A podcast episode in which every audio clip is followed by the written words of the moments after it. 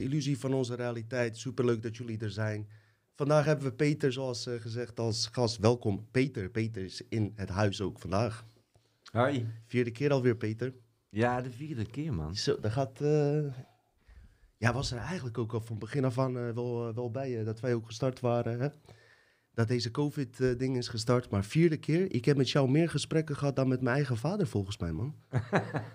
dus pa, eh, we moeten even weer praten, man. Ik zie deze man vaker. Leuk dat je er bent, Peter. Eh Ersan hebben we op achtergrond natuurlijk. ehm, die zorgt eh, met de moderators dat het allemaal wel goed gaat. En eh, uiteraard zullen jullie hem straks ook wel zien. Eh, ik ben blij dat ik niet al te veel hoef te praten. Daarom heb ik Peter ook uitgenodigd. Ook eh, omdat jullie dat wilden, uiteraard. En eh, ik ben benieuwd eh, wat voor gesprek we vandaag weer eh, zullen hebben. Ik ben geïnspireerd door Peter, even kijken, anderhalf jaar geleden. Eigenlijk een van, toen ik hem net ontmoette, had hij mij een bericht geplaatst die ik niet goed had, goed had gelezen over de wingmakers. En eigenlijk, toen ik met mijn eigen onderzoek bezig was, kwam ik ook wingmakers tegen. Ik ben er nog steeds niet diep op ingegaan. Hij wil daar wat graag over vertellen. Daarmee starten we. Vervolgens eh, gaan we het over wat meer actuele zaken hebben. Volgens mij toch, Peter? Wilde je Ja, ook, we eh, moeten wel weer, hè? Tuurlijk, en daar is hij een goed persoon voor. En eh, weet je, hij doet bij Café Wers met je andere mensen interviewen. En ik dacht ook bij mezelf, hey, eh, het is ook leuk om af en toe eh, zelf als gast te komen. En eh, toch, lijkt De me. laatste keer dat wij elkaar zagen, he- heb ik jou geïnterviewd Ja. voor- Café Weltschmerz. Ja, ja, Voor, eh, ja, over jouw boek. Ja, klopt.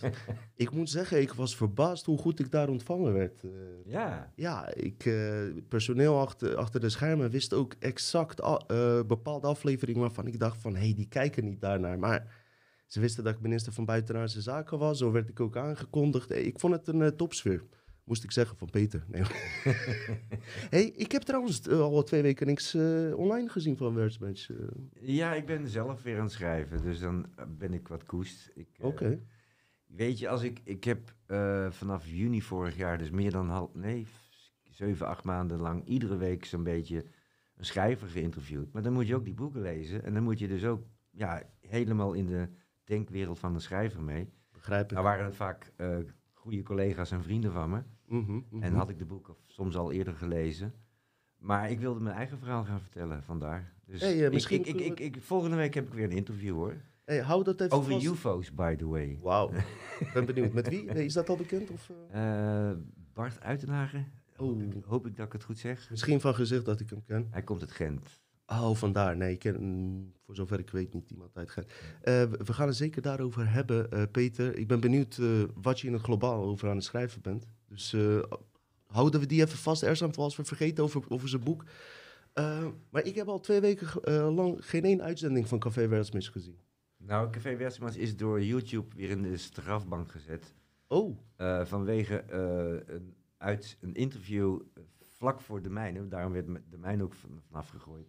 Mhm. Met, eh zeg het maar ook tegen het publiek. Nou ja, met, met, met Jeannette Ossenbaard. En Oh ja, al- lag het alleen al die naam eh, te vermelden zorgt er al voor dat Facebook, Hebben ze daar, daardoor Facebook en YouTube eh, je ervan afgooien. Oké, oké. Los van wat ze te vertellen heeft. Oké, oké. Want niet, niet dat ik per se elke aflevering kijk, maar ik zie ook steeds minder eh, eh, alternatieve media online. eh, sinds het zogenaamd weer normaal aan het worden is. Heb je dat gemerkt? Ja, nou ja, je bedoelt dat, dat er geen gebruik meer wordt gemaakt van YouTube. Want- Nou, dat is ook minder uitzenden, lijkt mij. Of doen ze nee, dat? nee, nee, nee, dat gaat dat via door. eigen nee, nee, nee, nee, dus? dat gaat Oké. gewoon allemaal door. Ook, Oké. ook bij Café Weltschmerz, ook bij Blue Tiger.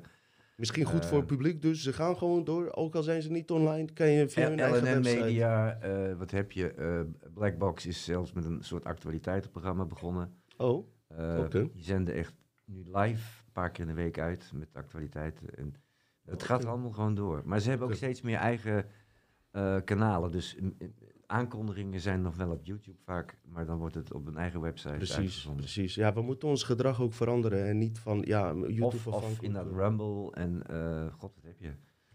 BitChute, maar die schijnt ook gecontroleerd te zijn. Ja, dat krijg je altijd na verloop van Ja, tijd. Als ja, iets ja. populair wordt, wordt het ingepakt. Ja, zeker. Iedereen die talent heeft, wordt ook ingepakt altijd. En Ja. ja, de mens bedenkt het en zij kapen het. Hè? Dat is ook wel een beetje het ding wat in het verleden gebeurd is, toch? Dat is, al- dat is altijd in de geschiedenis. Kijk maar naar, weet je, mooie plekken op aarde. Eerst komen de kunstenaars en dan komt het geld. Hè? Of, Mm. of het nou Ibiza is, of het is Saint-Tropez, of wat heb je allemaal. Eh, ja, Zo gaat het altijd. Eh, beste kijkers, dus eh echt sowieso tof dat... we hebben die poll gehouden, waar we vroeger van als co- COVID overwaait... eh 25% zei ik stop met onderzoeken, prima. Maar ik kan jullie verzekeren dat, eh, dat er zoveel events nog gaan aankomen... en dat, dat de groep nog veel groter en groter gaat worden.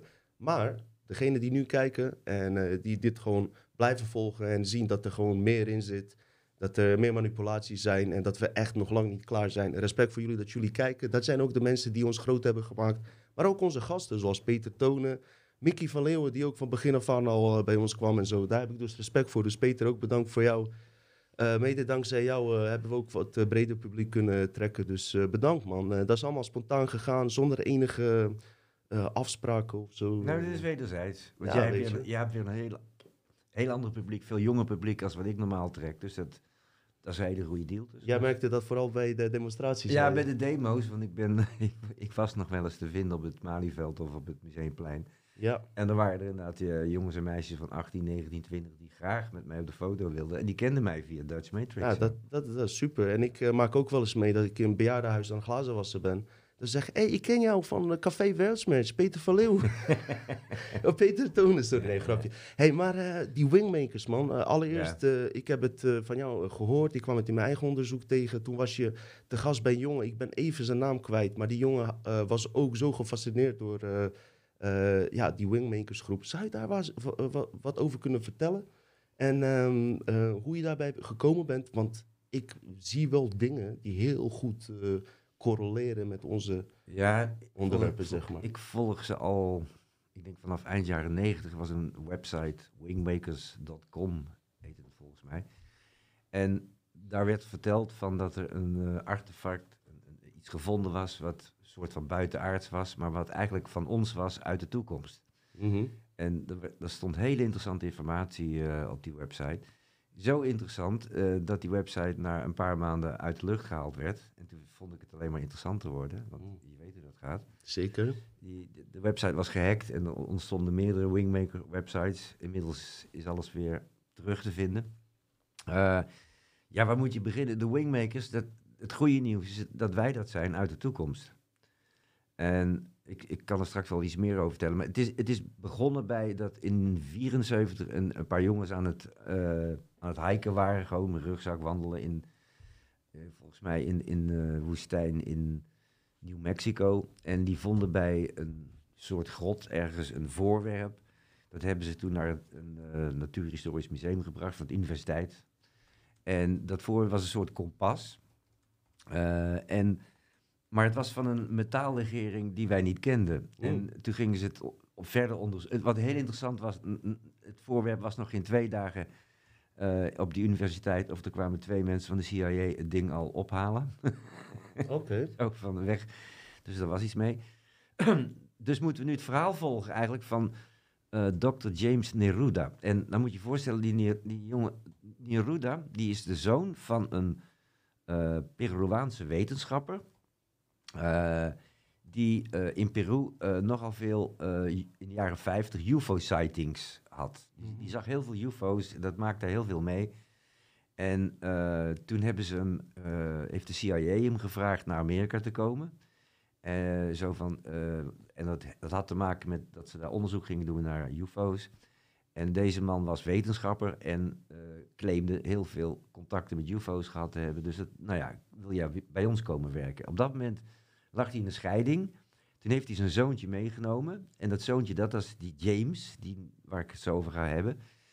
Moet je je voorstellen dat, ja, dat manneke is dan vier of vijf jaar oud en groeit dan op in een compound van de CIA, een geheime compound ergens Mhm. ja, waar zit dat? In, in Arizona, geloof ik, in, in de woestijn. Dus die is altijd eh, opgegroeid. Ja, Ik hoor van het publiek dat we ook een beetje naar hun moeten kijken. Jullie hebben gelijk ook, want het gaat over jullie. Moet En Nou ja, iets harder. En iets harder en praten? zouden Ja. praten. Geldt dat ook voor Peter? Nou, Geldt ja voor Peter, jullie horen ze beiden een beetje zachtjes. Oké, oké. niet- Eh, maar dat komt dus helemaal goed. Eh, Peter, omdat het live is, moeten we iets meer naar het publiek richten. Oké. Het, is, is iets anders, maar we praten natuurlijk voor jullie. Jullie hebben ook gelijk en jullie hebben het ook voor het zeggen, oké?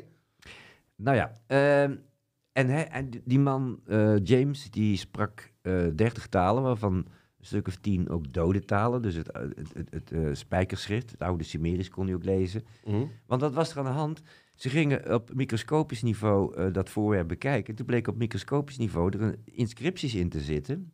Mhm. En dat was een soort taal. En toen, dus hebben ze hem erbij gehaald van, kan jij dat lezen? En eh daar kwam een heel verhaal uit, maar het is blijven liggen totdat in, volgens mij in 94 er een aardbeving in dit gebied was. Ik kijk naar het publiek. hoor. Eh, er was een aardbeving in dat gebied. En toen is, toen is Zonder hun ben ik toen niks, kwam, hè? toen kwam er in één keer een grot bloot te, te liggen. En die, een, nou, een grot, ze gingen daarin en er bleken 23 grotten te zijn. Mhm. Aantal chromosomen van de mens. En dat was eh, in een soort, ja, eh, cirkelvorm was dat, waren die ge- gegroepeerd. En in, iedere grot waren schilderijen en muziek en andere dingen te vinden. En ik heb een boek gelezen van eh, meneer Neruda, waarin hij dat allemaal vertelt, hoe ze daar een kampement hadden. En er was een heel team bij. Er was dus ook zo'n zo'n zo'n zo'n macho-generaal eh, type was erbij. Die, die deed niet aan, aan, aan spirituele zaken. Maar er waren ook twee dames bij, die waren helderziend. En op die, het was een heel team hè, met allerlei... eh, ja, een archeoloog, er zat van alles bij. Welk jaar was dat trouwens, Peter? Dan, zit, dan hebben we het over 94. 94, oké. En ehm, wat er gebeurde was dat eh, James die, die, eh, die kreeg contact met een soort aanwezigheid van wezens die hem verhalen vertelden. En dat, dat ging ook een beetje via die helderziende dames die dat ook voelden. Toen kreeg hij er ook een soort gevoel voor. En dat, die mensen maakten zich bekend als de wingmakers. Zo van, eh, wat bekend was, het voorwerp was uit, moet, uit koolstofdatering. eh, was vastgesteld dat het in de 8e eeuw ooit eh, daar terechtgekomen moet zijn. En het was in een gebied waar allerlei artefacten van eh, indianen werden gevonden. Dus eerst werd gedacht van dit, dit is van de indianen van toen. Maar ja, dat kon dus niet, want dat ding had een metaallegering die wij niet, niet kenden. Ehm, toen is die meneer, eh, ja goed, zijn ze toen in 94 verder gaan onderzoeken. En toen, toen openbaarden zich die, die mensen die zich wingmakers noemden. En nou, daar kwam een heel verhaal. Zagen ze er men- menselijk uit gewoon? Of, eh? Ehm, ja, Oké. maar eh, nou, het, was, het was meer, ze, ze, ze openbaarden zich meer, ja, kennelijk op een ja, ander niveau dan, dan puur fysiek. Het was meer, het was een soort telepathisch contact. eh, wat En, en ze hebben ook fysieke dingen achtergelaten. Daar gaan we het ook nog over hebben, toch? Zoals die ja, schilderijen ze en hebben, zo. ze hebben prachtige schilderijen Misschien achtergelaten. kan eh Ersan dat straks laten zien als je erop komt, hoor. Komt goed. Maar ook muziek, een soort lounge-achtige muziek is dat. Buddha Lounge. Eh, ja, zoiets. In allerlei stijlen inderdaad. I Beetje- wanna see beetje- the rainbow, high the sky. Oh, nee, nee, die niet. Nee, dat, dus, er wordt niet bij gezongen. Maar het, het zijn een beetje Indiaanse fluit, een Ik Indianen heerlijke fluit. muziek. Heerlijk. Ayahuasca muziek, weet je zo. Ja, die, die kant op. Ja, moet je ja, heerlijk. Ja, Na- Native American muziek. Ja, Ja, heerlijk, en ook, maar ook, ook, ook Oostersachtige klanken en ritmes. En, eh, je kan er heerlijk bij lezen en schrijven. Want het, is, Wauw. het is heel abstract. Is op eh. YouTube ook eh, te... Ja, je kan er wat van op YouTube Oké, ga maar verder hoor. Ik, Van, eh, eh, op die schilderij komen we zeker terug. We hebben wel een paar foto's eh, ervan. Hele Maar- mooie schilderij. Ja, wat moet je er verder over vertellen? Ik, ik- het, het, het, ehm, daarin werd, ja, als ik de kern van het hele Wingmakers verhaal moet samenvatten, dan komt het erop neer dat wij in een, in een illusie leven, in een, in een matrix. En dat werkelijk niets van wat ze ons op de, verteld hebben, ook over, over religie niet, over politiek niet, over geld, macht, niets, niets deugt. Echt, maar ook helemaal niets. En wanneer hebben ze dat geopenbaard? In 94 is het gevonden. Nou, nou komt het. eh, de, inter- de, informatie was heel interessant, maar de, het, het hoofd van de, van, de, van de onderzoeksgroep, ik ben even, eh, eh, nummer 15 werd die man genoemd, maar heeft een naam ook. Mhm. Een hele intelligente man, op zich wel met het hart op de goede plek. eh, die besloot van, nou, dit gaan we niet openbaren, want dit, als we dit openbaren, dan, dan, ja, dan, dan schoppen we zoveel heilige huisjes over. Mm, bekend Je verhaal. moet, je moet je even voorstellen dat dat onderzoeksteam in 94 dat was inmiddels overgenomen door de NSA, maar door een geheime afdeling van de NSA. Na een week of zo zei je, werd- al CIA bijgehaald? Of was dat iets Nee, anders? nee, nee. De, de, de, de Amerika heeft iets van 20 geheime diensten. De meeste zijn trouwens particuliere firma's, overigens. Het wordt allemaal uitbesteed. Mhm. Eh, maar de, N, de NSA heeft een geheime afdeling die dan over buitenaards leven gaat. Oh ja. Ja. En ik ben even daar weer de naam van kwijt. Heel veel informatie van kan je vinden op, in het Nederlands althans, op de website van Ella Ster. Die, die, die raad Oh ik aan om daar te kijken. Ik zag al eh, op Facebook iets voorbij gaan over de wingmakers van hun ook. Ja, Ja, klopt.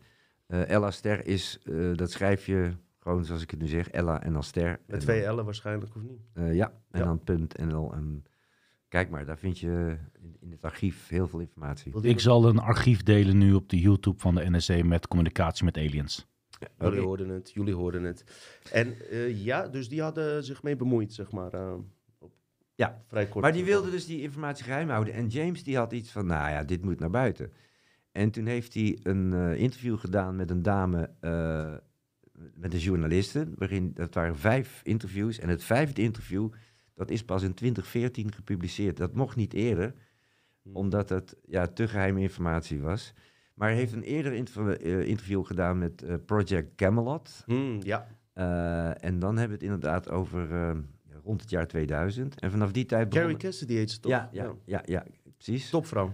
Ja, nou, ze- Nou, ik ben niet met alles eens, maar ze, heeft Nee. wel- ze was er wel vroeg bij, hoor. Oeh, Ja, ze was zo vroeg met bij met dingen. dat was overigens een schriftelijk interview. Oh. Ja, en, maar dat maakte wel dat hij schriftelijk heel goed geformuleerde antwoorden gaf.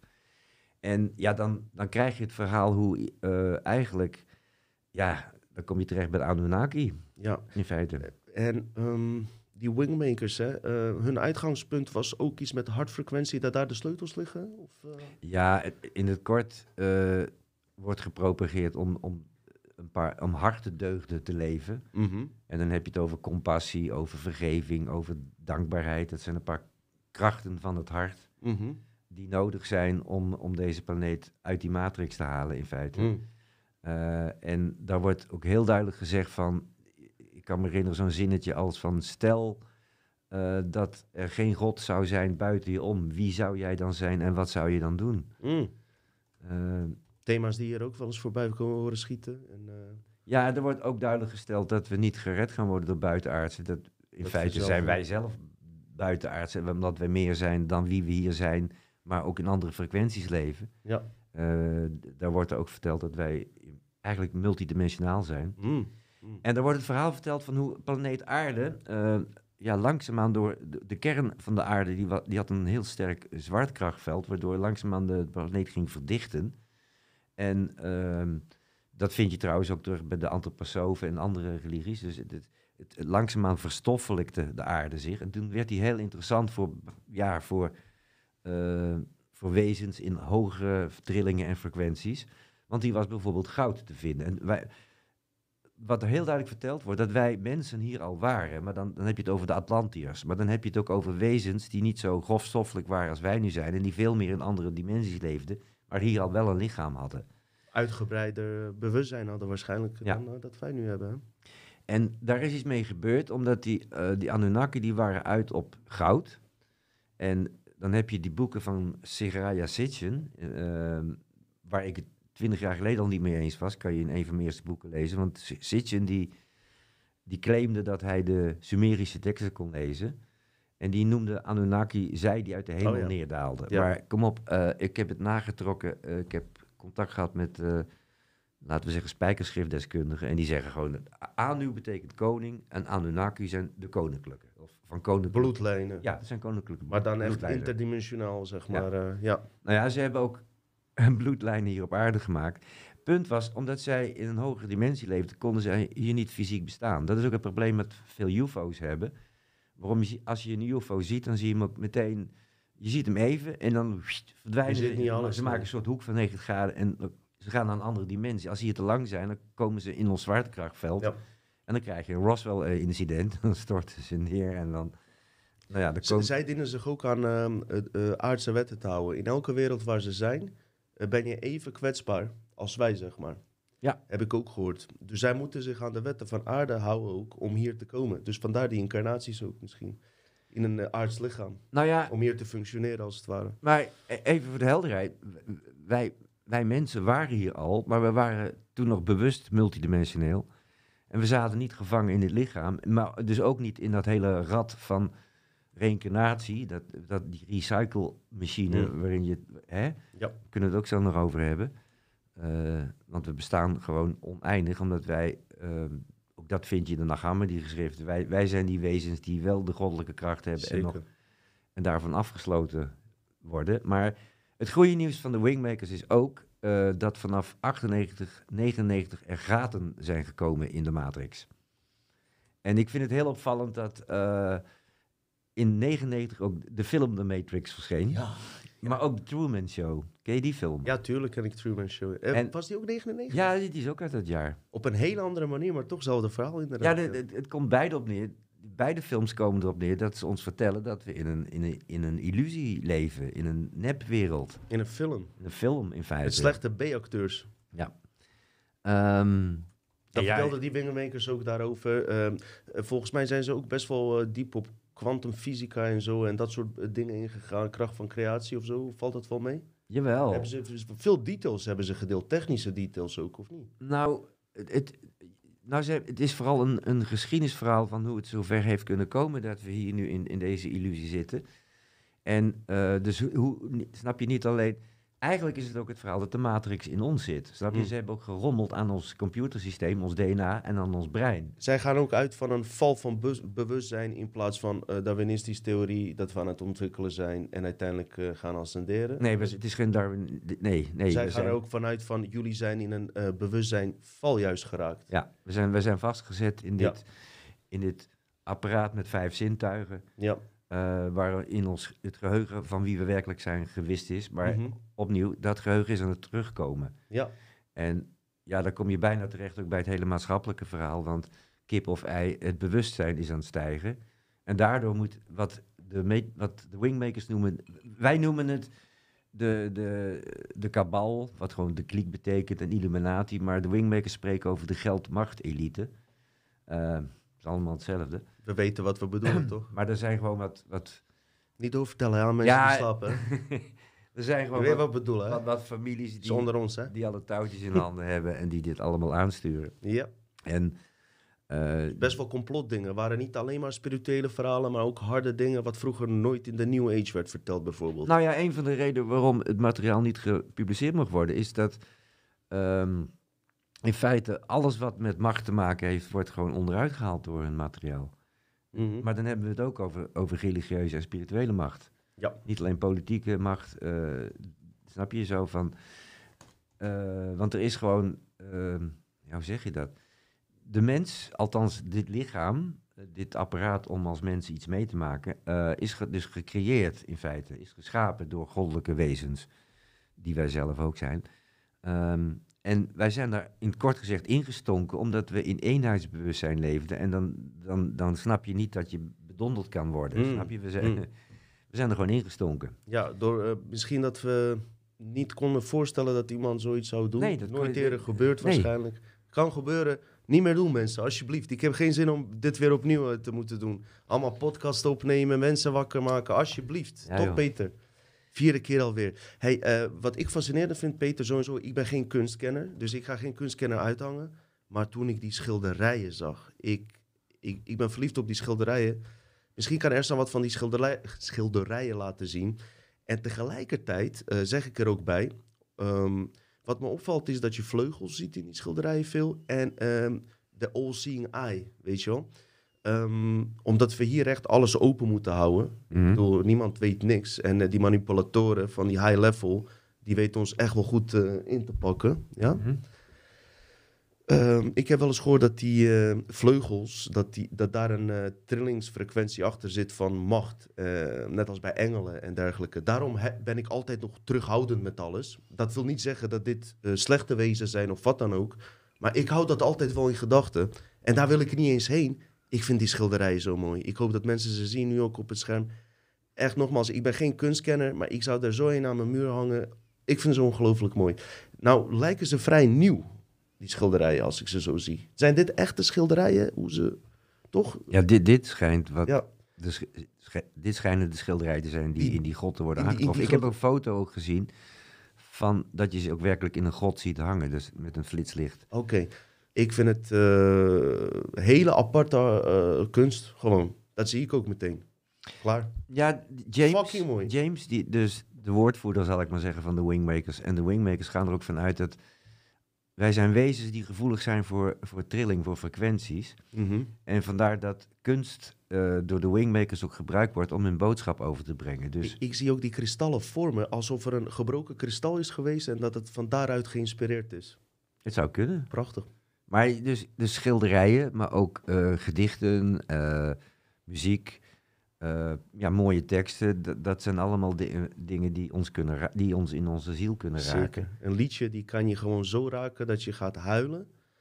En ik heb gehoord dat je dan in je grootste kracht zit. Dus als je een nummer hoort die zo emotioneel is. Hassan kan het, of Hassan, sorry. Ersan kan het weten van Hassan Genç, dat is de Turkse, Turkse zanger. Als hij gaat zingen, gaan Turken huilen. Voor alle Turken die dan kijken, of Nederlanders, André Hazes, maakt niet uit wie je kijkt. Daar hebben wij Daar André zit je- Hazes voor. Kom op. Precies. Ja. Dan zit je in je grootste kracht als je een wens wil doen. Dat is even een tip tussendoor, man. Rustig, je. Wat is er? Dus als je verdrietig bent, ben je op je krachtigste moment, wilde ik zeggen. Dus het is niet alleen zo als je blij bent dat je kan manifesteren. Ook als je onwijs kwaad bent, of als je inderdaad zo'n nummer hoort waarvan je moet janken, probeer dan eh, een opdracht te geven aan je hart. Gebeuren er gekke dingen. Even tip tussendoor. Peter, man. Even proost, man. Leuk, joh. Hey, Peter, vierde keer, man. Binnenkort komt Mi- Mickey van Leeuwen. Dat zijn enige twee eh, figuren die al vier keer zijn geweest. Mickey Aha. ook. Vanaf dag één heb ik een paar dagen geleden gesproken. Mensen vroegen erom. Ik wilde hem ook graag spreken. En eh, dat Peter er is, is geweldig. En weet je, ik kijk er wel naar uit. Ik moet zeggen dat ik Café Wertsmatch wel beter, eh, meer ben gaan kijken omdat jij daar bent. Je bent zeker toegevoegde waarde daar, wilde ik zeggen. Dankjewel, dankjewel. Nou ja, ik probeer met die eh, schrijvers wat, wat meer eh, diepgang en spiritualiteit ook in dat programma te brengen. Niet alleen programma's te maken die alleen maar met de actuele werkelijkheid en met de politieke werkelijkheid te maken hebben. Nou, jullie hebben mij daardoor echt aangetrokken. Want ik ben niet iemand die eh, elke actuele ding helemaal elke dag moet gaan bestuderen. En bij jou komen er Nou, mensen... ik, ik wil wel zo ook bij de Gaan we- actualiteit uitkomen. we gaan over Oek- Oekraïne en over Rusland gaan we het zeker over Ja, hebben. Maar we waren nog met die wingmakers. we waren met die wingmakers. Eh, nou ja, er zijn heel streng Kijk, je hebt, je, de hebt, schermen. je hebt, als het gaat over de geschiedenis van de mens, over, überhaupt, überhaupt over de schepping, heb je de creationisten en de Darwinisten. De, en de Darwinisten die gaan ervan uit dat je eerst eencelligen had en dat werden toen meercelligen en eh, langzaamaan eh, hè, eh, kreeg dat bewustzijn en nou ja, met eh, vissen die pootjes kregen en al land gingen enzovoort. Evolutieproces. Het, e- dat is de e- sterkste overleefd. dat is de evolutieverhaal. En dan heb je de, de creationisten, die hebben het over dat God, eh, of een goddelijk wezen, of goden, de wereld in, één, in zeven dagen schiepen enzovoort. En ik denk dat het er tussenin zit. Eh, deze planeet, te- ja, hoe zeg je dat, die was er. Die kreeg steeds meer verdichting. Er zijn gewoon, deze, dit lichaam, dit ruimtepak met vijf zintuigen is gewoon gecreëerd. En dan komt het om inderdaad dat goud te delven. eh, wat die Anunnaki nodig hadden. Die klus zit er al lang op. Kijk, zij konden hier niet in deze fysieke werkelijkheid zijn. En ze hebben gewoon ons deze ruimtepakken gegeven, zodat wij voor hun het goud konden delven. En eigenlijk eh, maken ze nog steeds gebruik eh, door middel van mind control bij belangrijke figuren, bekende figuren. Nou ja, we- kijk, als je, dit ruimtepak, als je dit ruimtepak aantrekt, dan zit er een programma in wat jou vertelt dat je slaaf bent. Mhm. Dat is je brein vooral. Precies, dus het is... ehm, terwijl, ja, ik zeg altijd, wij zijn eigenlijk de goden die nou denken dat ze slaven zijn. En Wij eh, zijn ook de daarin wordt ook ja. verteld dat je dus moet knielen voor goden en voor krachten boven je.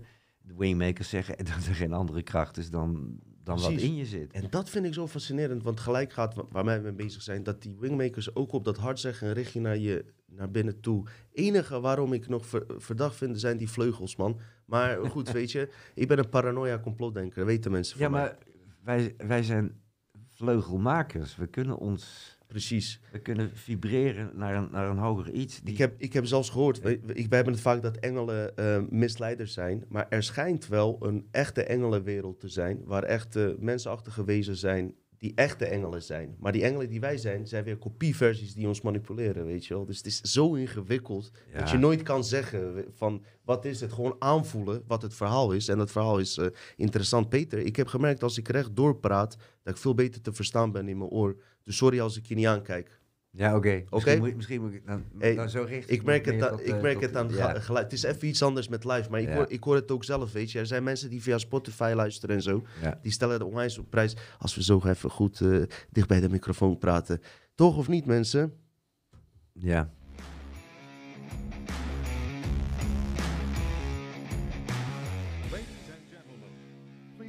Wat een stilte The ineens. show is about to begin. Ha? Je begint te leren, of niet, hè? Hey, hey.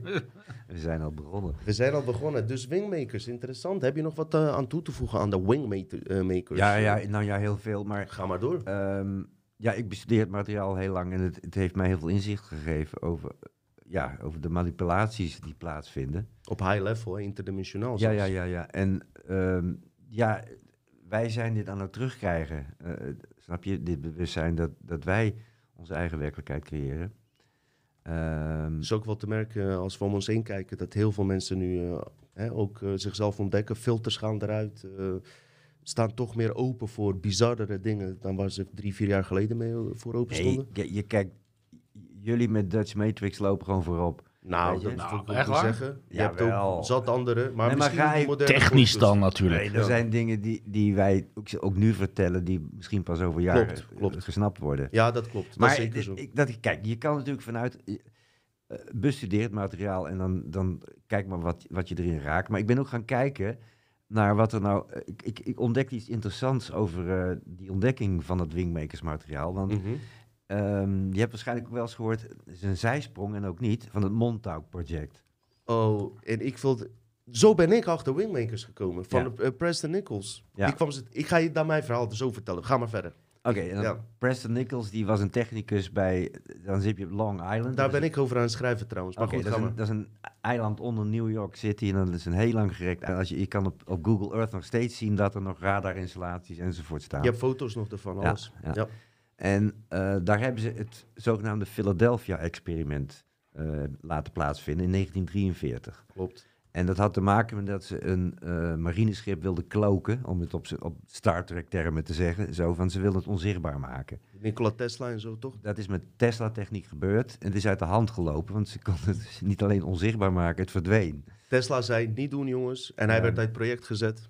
Het, het- nou, Tesla is niet lang daarna overleden, hè? Maar ze zeggen, sommigen zeggen dat hij naar toekomst is gereisd naar Montauk Project. Dat is een heel ingewikkeld verhaal. Ja. Maar laten we zeggen, Nee. overlijden is makkelijker ook, hè? Ik, had, Voor het publiek. ik heb die boeken van Preston Nichols ook gelezen. En echt, sommige dingen... Bizar, hè? Ja, ik heb ze Oh. soms drie, vier keer moeten lezen. Want die hele technologie van tijdreizen staat er, even, staat er uitgelegd. Gewoon Ik heb, we hebben ze een keer live aangekondigd. Sommige mensen hebben hem gelezen. Respect voor die man. Het is echt eh, geen eh maar onzin. anyway, daar- er waren twee overlevers. Dat waren twee broers. eh, Cameron ja, Cameron en, en, en, en Duncan. en die halfbroer. Duncan. Duncan. Duncan Cameron. Maar anyway, er was een El, El Bilek. El Bilek. Ja. En die El Bilek heeft enkele jaren terug een, een interview gegeven, wat op YouTube terug te vinden is. El Bilek, dat schrijf je A-L en dan Bilek met E B-I-E-L-E-K. En eh, waarin hij zijn hele verhaal uit de doeken doet, eh, wat, wat hem overkomen is. Want zij, wat er gebeurde is dat ze dus in 43 verdwenen en in 83 opdoken. En, En- ja. Ja, Vertel maar, ik ga Nou, er zijn, naar zijn, luisteren. over het Philadelphia-experiment zijn heel veel films ook verschenen. Je kan er ongelooflijk veel info over vinden. Bizar. Maar wat mij opviel, eh, El Bilak die vertelde, dan moet ik even kijken, die, die, is op een gegeven moment gereisd naar 2137 en naar het jaar 2749. Ja. En eh, dan komt hij terecht in een toekomstige wereld. En wat blijkt dan? Eh, er was een, de, wereld bestaat nog, dus het hele landschap is veranderd door, door grote vloedgolven. Maar hij komt terecht in een stad. En het is een hele hypermoderne stad. Eh, er is, eh, de rechtspraak gaat door computers, maar er is ook gewoon veiligheid, er is ook geen misdaad meer, alles is gewoon geregeld. En je zou kunnen zeggen, in binnen steden heb je gewoon een, een comfortabel leventje. Dat is één. Maar er is ook een andere wereld, dat is de wereld in de natuur. En je kan een soort... wij? Ja, nee, nee, nee, dit wordt interessant. Ja. En hij gaat op een gegeven moment vragen van eh, wie heeft deze stad gebouwd? En hij ligt daar in een ziekenhuis, want hij markeert van alles na, na die tijdreis. En, en dan krijgt hij als antwoord wing, de Wingmakers. Hmm. En toen ik, toen ik dat interview, en ik was al op de hoogte van de Wingmakers, dus toen ik dat interview, eh, ik denk, hè, even terugspoelen, wat hoor ik nou? De Wingmakers hebben die steden gebouwd. Eh, hij heeft het ook over Wingmakers, hoe kan dit nou? Nou, weer later kwam ik erachter dat meneer Bilek, omdat eh, die zat ook in dat team van, van de NSE, wat, wat onderzoek deed in die grot van de Wingmakers. Oké. Ja, later. Omdat hij verstand had van tijdreizen. En ze het idee hadden dat ze te maken hadden met Ja, een voorwerp uit het jaar rond 800. Dan zit je bij ons in de tijd van Karel de Grote. Eh, en ook overigens de tijd van Kazarië, maar dat is weer een, een ander verhaal. En de ondergang van het Rijk van de Maya's. Dat Mhm. hangt allemaal kennelijk samen. Eh, toen is dat voorwerp daar geplaatst. En, ehm, ja, dat, dat, en het had iets, het, het leek, er was iets met tijdreizen aan de hand, hadden ze al heel snel in de smiezen. Dus toen hebben ze El Bilek ook in dat team opgenomen.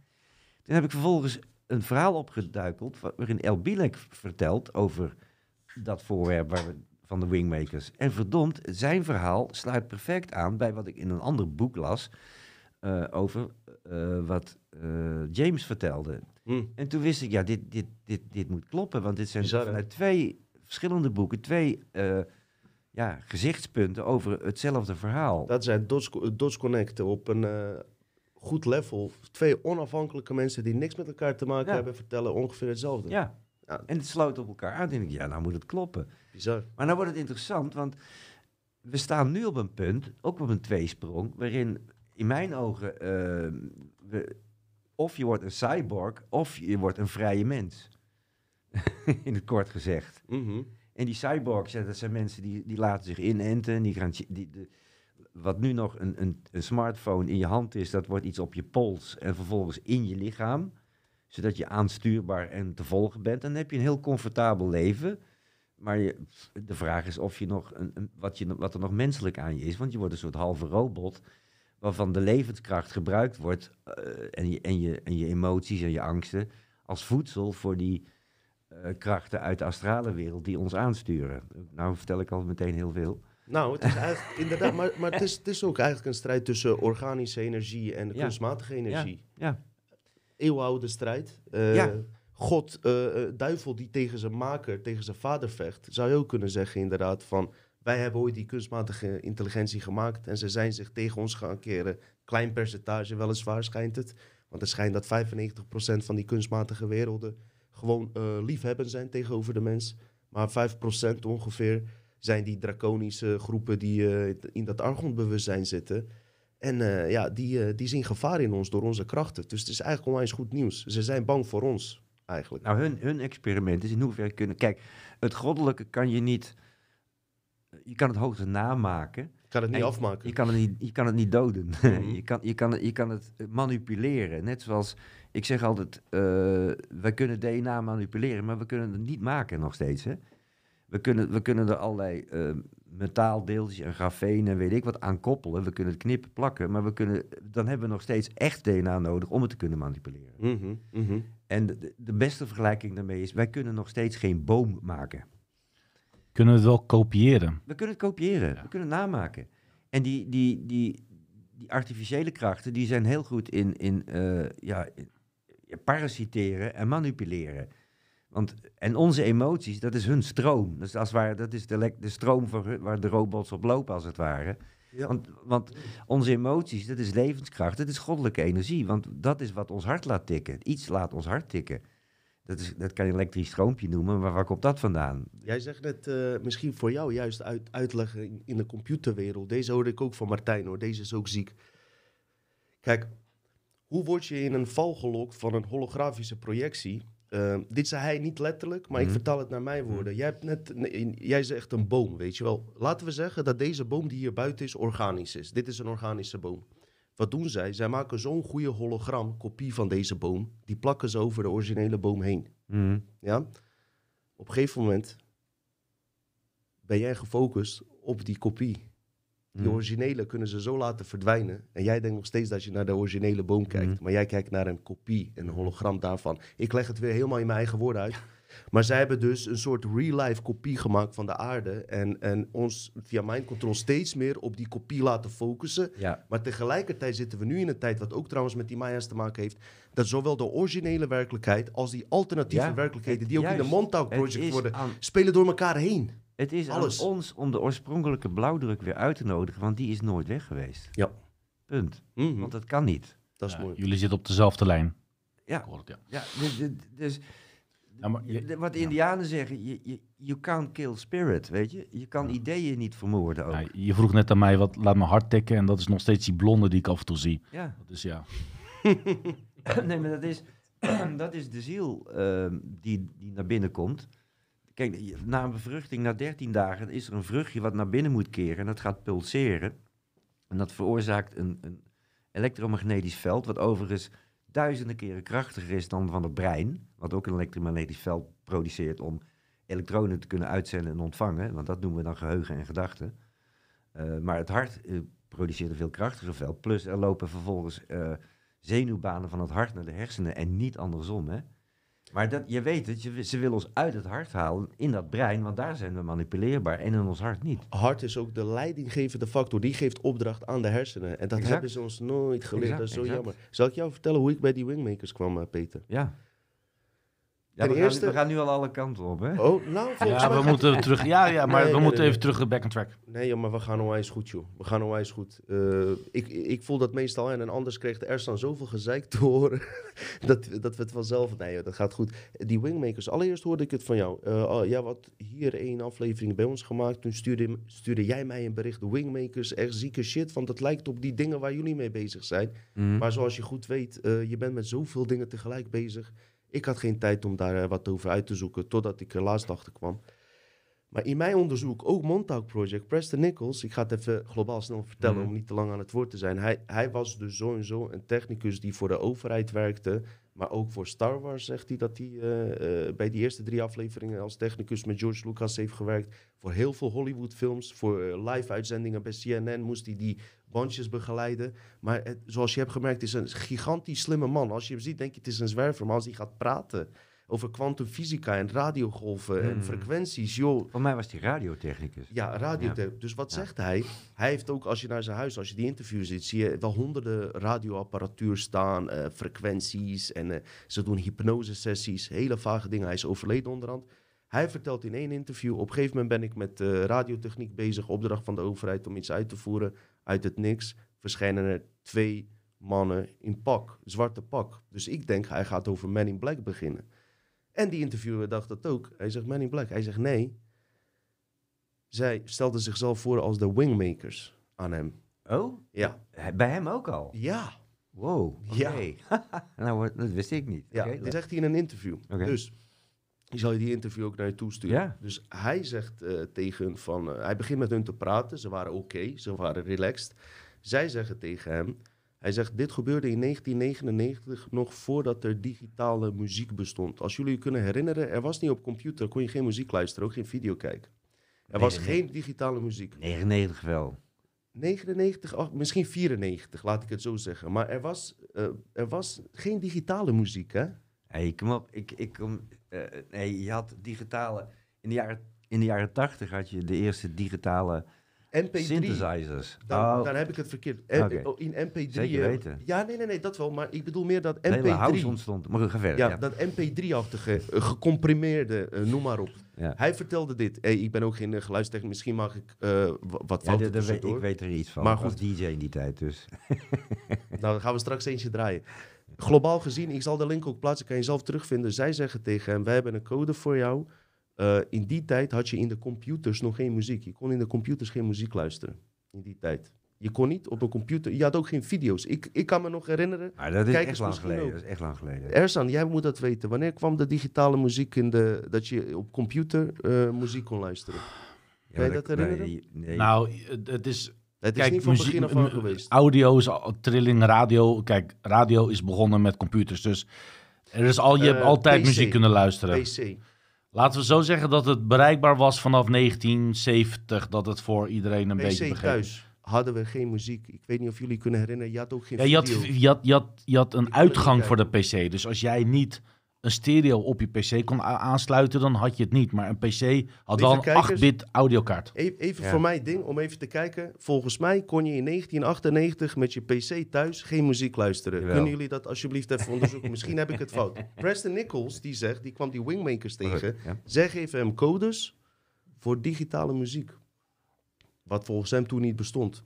Maar, bestond eigenlijk wel, daar kom ik nu zo op terug. Mhm. Hij vraagt de patent aan en hij zit een soortachtige bedrijf zoals Mi- Microsoft om digitale muziek in hun computers te implementeren. Mhm. Dat bedrijf gaat akkoord, gaat zelfs op hun website zetten ze een advertentie neer. Binnenkort komen we met digitale muziek in de computer. Zou een vernieuwing zijn. Ze hadden het al aangekondigd en alles. Wat bleek nou? Er zat al een patent daarop van wie? Van eh, militaire Amerikaanse dienst. eh, die gebruikte die codes, ja, die digitale frequenties als, bio, eh, als een wapen. Als een soundwapen. Dus is dat er niet doorgegaan. hey, dit heb ik van hem trouwens, hè, alles wat ik je nu zeg. Dus ik weet niet of ik hier misschien wat fouten heb gemaakt. Maar het is wel bizar dat dat ook de wingmakers waren.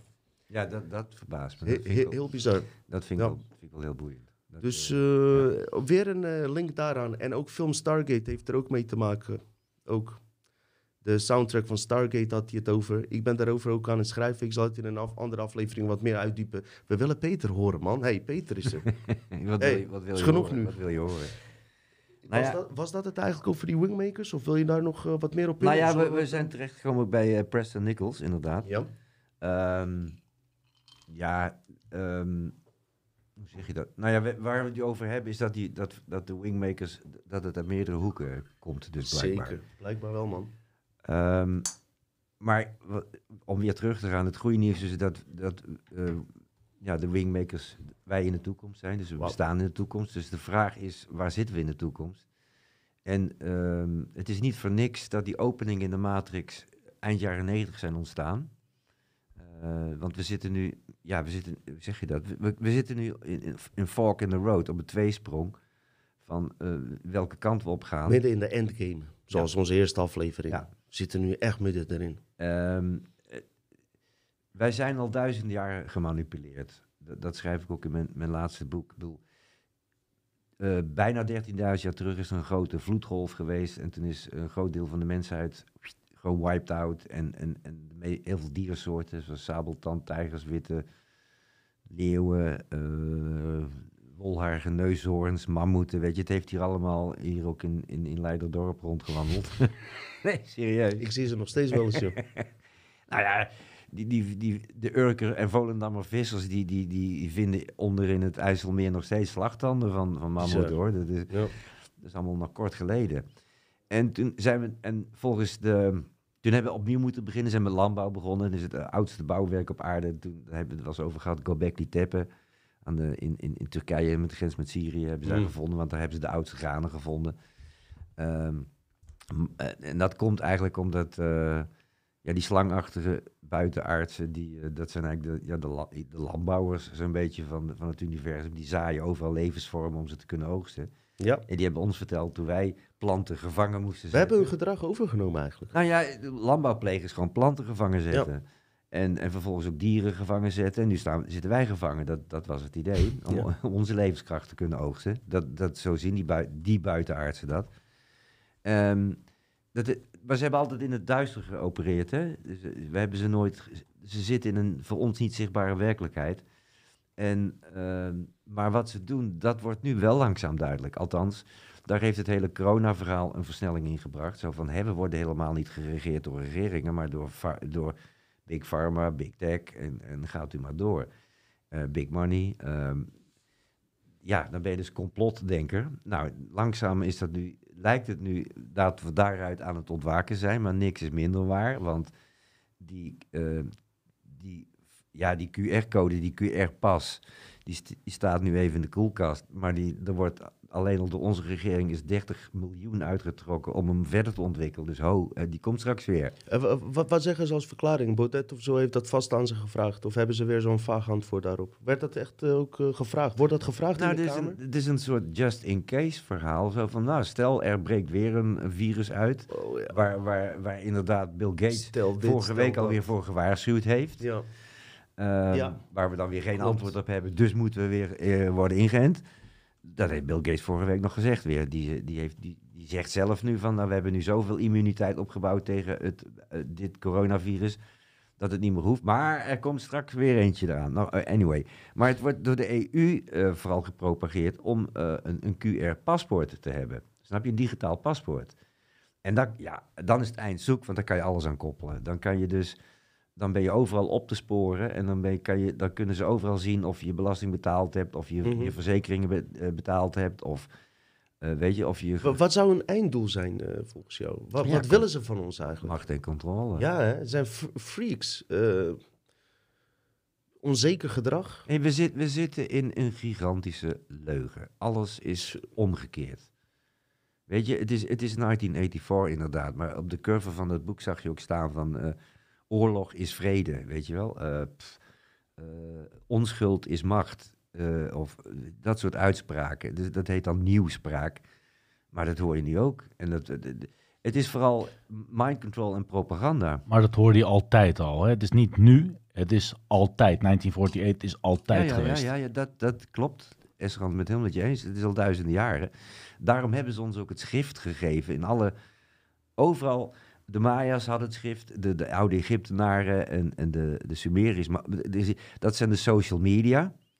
En die hebben ons de illusie gegeven dat wij met elkaar via dat medium kunnen communiceren. Maar het is altijd van bovenaf gecontroleerd geweest.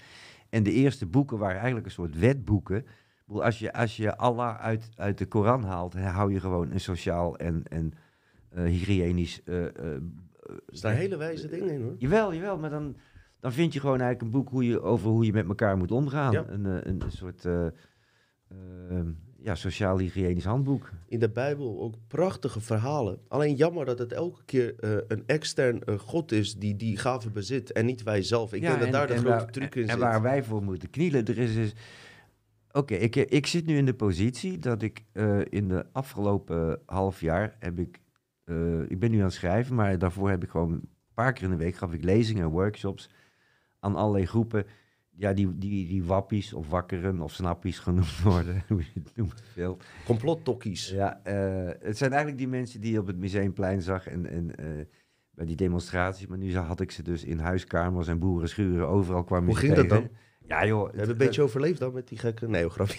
Ja, nou ja, maar Top mensen, hey, altijd, jullie zijn geweldig, Wat ik altijd deed is de vraag Respect. stellen van, daar begon ik al, begin ik altijd mee, maar wie zijn wij dan? En dan, wat is dit voor volk? En dan, want het heeft alle kleuren en rassen, het Ja, heeft alle bizar, leeftijden, het heeft, Lekker divers. het heeft stropdassen aan, en of het is heel hip gekleed, weet je, alles kan. Iedereen is welkom hier. Ja, en eh, ja, er, is één, er zijn- een paar overeenkomsten blijkt. Ze hebben het allemaal over verbinding, uit het hart leven, anti-autoritair, eh, dingen uit jezelf halen, eigenwijs. eh. Goed reukvermogen. Ze kunnen allemaal bullshit ruiken. ja, ze hebben een hele goede bullshit detector. Ja. Klopt. Mm. Ja, zeker weten.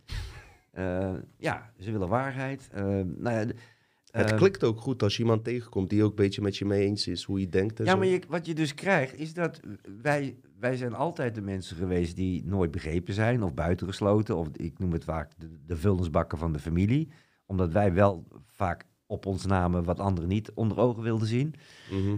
En dat komt dat elkaar nu tegen, dat vindt elkaar. En het- die massa is, is zo groot geworden en die is zo krachtig geworden dat het een eigen kracht is. En dat is waarom ik met die mensen ook bezig ben met het opzetten van eh, ja, wat, wat ze dan een parallele samenleving noemen, maar je kan- het ook een nieuwe aarde noemen.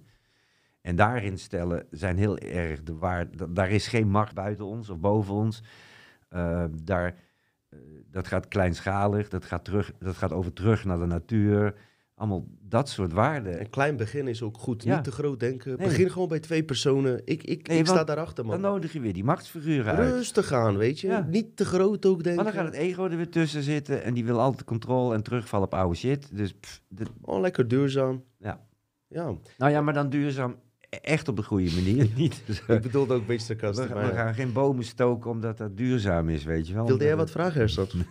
Nee, nee, ik, Ik, wilde wil de hele vragen. tijd iets over zijn boek weten, man. Ik, wil, ik ben benieuwd, ik- omdat ik zelf ook aan het schrijven ben. eh, wat voor richting ga je op met je boek? Eh, ga je wat eh, dieper Nou- level of ga je actueel wat er is? Of Nou, ik, een ik, mengeling? ik, ik vertel ook... Het is, het, is een, het is een pleidooi voor een wappie zijn, zou je kunnen zeggen. Maar nee, ik Mooie vertel, titel. ik vertel heel veel over mijn eigen persoonlijke leven. Van het nooit begrepen voelen en tegelijk het gevoel hebben dat er meer was dan wat zichtbaar was. Maar ik vertel dus ook heel veel over hoe waarneming werkt. Hoe ons DNA een, een computerprogramma is wat we zelf kunnen bijstellen. Eh, ja, daar, daar, dat soort, dus het gaat meer over de, de innerlijke weg ook. Kom je dan terug als is geschreven? Als Dat ik- denk je zelf. het is het enige programma die hem goed eh, Verder wil ik er kan niet, uitleggen, niet te veel over vertellen. Nee, moet maar je ook niet ik, heb geleerd dat als je... Is, het- is het wellicht leuk als ik alvast een paar vragen stel? Want ik heb er al een paar ja, natuurlijk. En je hebt gelijk hoor, eh, Peter. Ik ben aan het schrijven. Elke keer verklap ik dingen in mijn moet je niet doen, podcast. Moet je en moet ik weer opnieuw gaan schrijven, man. Nee, maar je ik moet... heb geen geduld, maar ik ga het nu doen. Ik zeg niks meer, ik zweer het je. Maar dan is- gaan ze weer zeggen, hey, kom op man, eh zend weer eens wat uit. En dan eh, jagen ze me weer uit de dat, tent. dat zijn, Moet ik dat weer- zijn twee verschillen. Ik heb geleerd... Ja, ja. Eh, ik heb nu even rust genomen een paar weken om even door te kunnen schrijven. En nu kan ik ook weer so- sociaal worden, zoals dit. En, Cool. en, en, af- en de, de bits en pieces bij elkaar gaan zetten. Dus het gaat nog wel even duren voor het er is. Maar eh, als je aan het schrijven bent, dan moet je eigenlijk je hoofd leeg hebben. Dan moet je... Je hebt helemaal gelijk, je hebt helemaal gelijk, Peter. Ja. We gaan nu over naar eh, zeg maar de vragen Q&A een beetje. En later hebben we het over natuurlijk Oekraïne en Russisch conflict. Hoe denkt Peter Tonen erover? Zelf heb ik er niet in zoveel eh, onderzoek op gedaan, dus ik ben ook zeker benieuwd wat hij te zeggen heeft. Maar ik kan zeker wel linken leggen aan eh, gebeurtenissen die jaren daarvoor zijn eh, gebeurd. Val van Joegoslavië Ja, is ook een onderdeel daarvan, kunnen Ja. we straks over hebben. Maar eh, we gaan eerst naar de Q&A met Peter Tonen in het huis. De eerste is een eh, simpele vraag. Eh Bjorn vraagt: hoe kunnen we aan jouw contact komen voor jou een keer te uitnodigen voor een, eh, een demo of hoe je dat Ja. doet, eh, nou ja, de, de handigste manier is, is via Facebook Messenger. via Facebook. En dan is het gewoon Peter Tonen Ja, ja. op Facebook. Gewoon, Eh, precies. misschien een link in onze omschrijving hier. Ik ga het later een, eh, een, eh, Ja. Facebook link proberen te zoeken. Mijn, en mijn, website die heb ik een tijd. Maar als hij jou niet kan vinden op Facebook, dan heb ik zoiets. Kijk, Bjorn, kijk in heb mijn je pech. vriendengroep. Ja. Heb je echt. Zoek het dan maar uit. Nee. Nou, dat was een makkelijke vraag. Ingrid Schaapma vraagt: Peter, hoe komen we uit deze illusie en wanneer gebeurt dat? Ik denk dat ze een beetje gefrustreerd is in deze al ja, die shit. Ingrid. Ja, die, wij, wij kennen elkaar in ieder geval ook via Facebook. Maar, Oh, nou, dan maar skip ze ik is, die ook- vraag. ze is ook duidelijk iemand die altijd bij de demo's te vinden is. Goed zo, meid. Ehm, de demo's zeggen we dan. Ik hou helemaal niet van demonstreren. Ik, ik, voor mij is het manifesteren. Ja, Want demonstreren, wil, dat, dat lijkt alsof je dan van de regering alsnog vraagt. Maar eh, we gaan terug naar de vraag. Ja, maar goed. er staan in scherp. Sorry. Eh, Goed zo, jongen. nou, hoe, hoe je, nou stel, stel hem nog maar een keertje, sorry. Nee. Peter, we zijn echt profs geworden. eh, er staan in streng Het geworden. gaat over de illusie. Dus de illusie van onze realiteit Ja. in principe. En eh, hoe komen we eruit? En als dat gebeurt, wanneer zou dat dan zijn? Ja, wanneer? Dit is een heel proces. We- we- De komende jaren zitten we nog even... Kijk, mensen leren pas als ze hun hoofd stoten. Dus dat zal nog even door moeten gaan. We, moeten nu, we zitten nu met die Oekraïne-oorlog waar, waar ik zo op kom. Dus mensen moeten ook daardoor hebben... hoe daar weer propaganda gepleegd wordt aan alle kanten. Ik heb, ja, ik, heb, ik, Eh. heb, ik, heb, ik heb nu dus tien vragen ongeveer. En dan wil ik dan zo meteen Ja. over de Oekraïne, want dan krijg je weer vragen. Kom goed, we nou, het, begin- het begint al met dat, dat je doorhebt dat, dat dit een illusie is. En dat het enige wat telt is waar, jij, waar je hart naar uitgaat, waar je blij van wordt. Eh, ja, je, dus je passie volgen. En, en, en ook het eh, weten dat je van daaruit, hoe zeg je dat, je, je, je gedachten kan bijstellen en daarmee een werkelijkheid creëert. Dus in principe wat je zegt is niet dat, we, dat je moet wachten op wanneer je de illusie uitgaat, maar jezelf ehm, naar het lichtpad toe brengen om uit deze realiteit Ja, te je kan, ontsnappen. je kan nu besluiten om uit, de, eh, eh, die hele matrix te stappen. Oké, nou dat, eh, In- Ingrid, ik hoop dat die nu is beantwoord. Nienke, vraag. Peter. Sorry, het is vandaag echt geen Dina. Allemaal vrouwen. Peter. Allemaal vrouwen. ja, Nu ja. Peter er is, allemaal vrouwen stellen vragen. Als de aarde verdicht, komt dan energie van een andere entiteit, et cetera, dan ook dichter bij elkaar? Oeps, ik weet niet of ik begrijp wat hiermee bedoeld wordt. Ik ook niet. Die, die verdichting van de aarde, die, eh, die- ja, die, die, die vindt al honderdduizenden jaren plaats. Snap je? Die, de- de- de- als je kijkt naar andere planeten, zijn vaak meer gasvormig. En dit is echt Klopt. een hele vaste planeet met water. Ook heel bijzonder. Klopt. Dit is een waterplaneet. En de water is ontstaan, zeggen ze, doordat de kometen is aan ingestort op de aarde. Want wij, wij hebben een harde kern, een harde stalen, ijzeren kern. Nou, Eh, eh, waardoor dus een bepaalde eh, gravity, eh, zwaartekracht hebben, de vorming van het brein van de aarde, waardoor dus de aarde is ontvormd. Goed, maar dat is dus wat ze wordt gezegd. Vraag. Nou ja, dat maakt, dat maakt de, kijk, er zijn heel veel planeten met leven. Maar je moet even begrijpen dat de meeste DNA is, heeft, wordt licht-DNA genoemd. Het heeft niet die fysieke vorm zoals hier. Eh, het interessante van de aarde is, do- door dat zwaartekrachtveld, dat hier dus hele dichte materie ontstaat, waar ook leven kan zijn weer. En ook goddelijk leven. En dat is voor veel buitenaardsen, die wij zelf ook waren eh, en zijn, eh, heel aantrekkelijk om dat mee te maken. Ik dacht dat onze DNA echt uit zuren bestonden, dus uit Ja, dat is het en- fysieke DNA. Dan heb je inderdaad eh, de, de, de, de aminozuren, 20 De aminozuren. aminozuren, Dan heb je, heb je ja. koolstof, zu- zuurstof, stikstof en waterstof nodig. Dus we hebben een biologische opgebouwde... Ja. En dan krijg je, die kunnen een zodanige moleculaire structuur hebben dat je die DNA-ladder. eh eh, nou, daar spiraal- komt, ja. komt er weer eentje dan. Esther, vraag. En, en mensen ondertussen kan ik geen vragen opschrijven, want ik kan niet allemaal dingen tegelijkertijd. Ja. Dus ik doe even deze vragen, mensen, en dan schrijf ik weer jullie vragen op. Esther, vraag. Peter, weet jij iets over de komende lente-equinox? En de equinox is gewoon natuurlijk de evenaar, geloof ik. Ja, ja, dat is de lente even ding. Ja. Dat is 21 maart, eh tenminste. Hij, het wisselt. Het kan- Hij kan ook op 20 Het, het maart is vallen. hier 21 maart, ja. Ja. Nou, dan zijn op de hele, wat leuk is, dan is op de hele planeet dag en nacht even lang. En op de hele planeet komt dan de zon precies in het oosten op en gaat precies in het westen onder. En het is altijd een mooie eh, dag om ja, het gelijken tussen mannen, vrouwen, tussen licht en duister te vieren. Gebeurt er dan dat ook op Stone Age? Ja, eh, Stonehenge, maar ook bij eh Chichen Itza, die Maya-tempel. Ja. Eh, en Een hele mooie dag. alle natuurvolkeren vieren dat. Ja, maar dat betekent wel dat de aarde dan eh, rond is, hè? Maar goed, ik ga daar niet op in. Oh, die, die vraag, mag ik, mag ik die vraag Ja, stellen? ja, ja, hou die vast, hoe Peter over plantaarden eh, Ja. denkt. Maar hou die vast voor later, goed? Peter, zijn de gevakste mensen hun zielen kwijt? Nee? Mee eens, Peter. Je kan er minder goed bij, Precies, zou ja. je kunnen zeggen. Niet en bang dan een persoonlijke vraag van Peter van den Oever, die zegt... Ben jij bang voor de dood? Nee, Nee. En waarom ben je er niet bang voor? ik ben er een paar keer geweest. Letterlijk. Heb je al een keer in de, een van de eerste podcasts... heb Nee, je ik dat al heb een keer... van kinds af aan meerdere bijna doodervaringen gehad. Door verdrinking, door ziekte, door uittredingen enzovoort. Dat je echt in een andere werkelijkheid bent en naar licht gaat. Ik zou ook eh, graag deze persoon willen doorverwijzen naar eh, eh, stukjes op internet van Dolores Cannon. Die eh, ligt ook wat heel leuke dingen toe. Dus ik zou zeker even naar Dolores Cannon Volg gaan jij zoeken. Dolores Kennenersen? Gaat jou niks aan. Geweldig, man. Ja, Rob. Kerkhoff, Ja, deze oh. is het. Die Dolores Cannon mag ook genoemd. Zeker Geweldig, geweldige vrouw. Eh, Rob Ja. Kerkhoff, er is een vraag aan Dino. Kan Peter iets vertellen over Igno Swan over remote viewing? Thanks. Remote viewing, wat wil je weten? En Igno Swan, ja. Als je het in het kort kan vertellen hoor, dat we niet afwijken van het programma. Het is een Q&A, dus je mag alles Ja. vragen.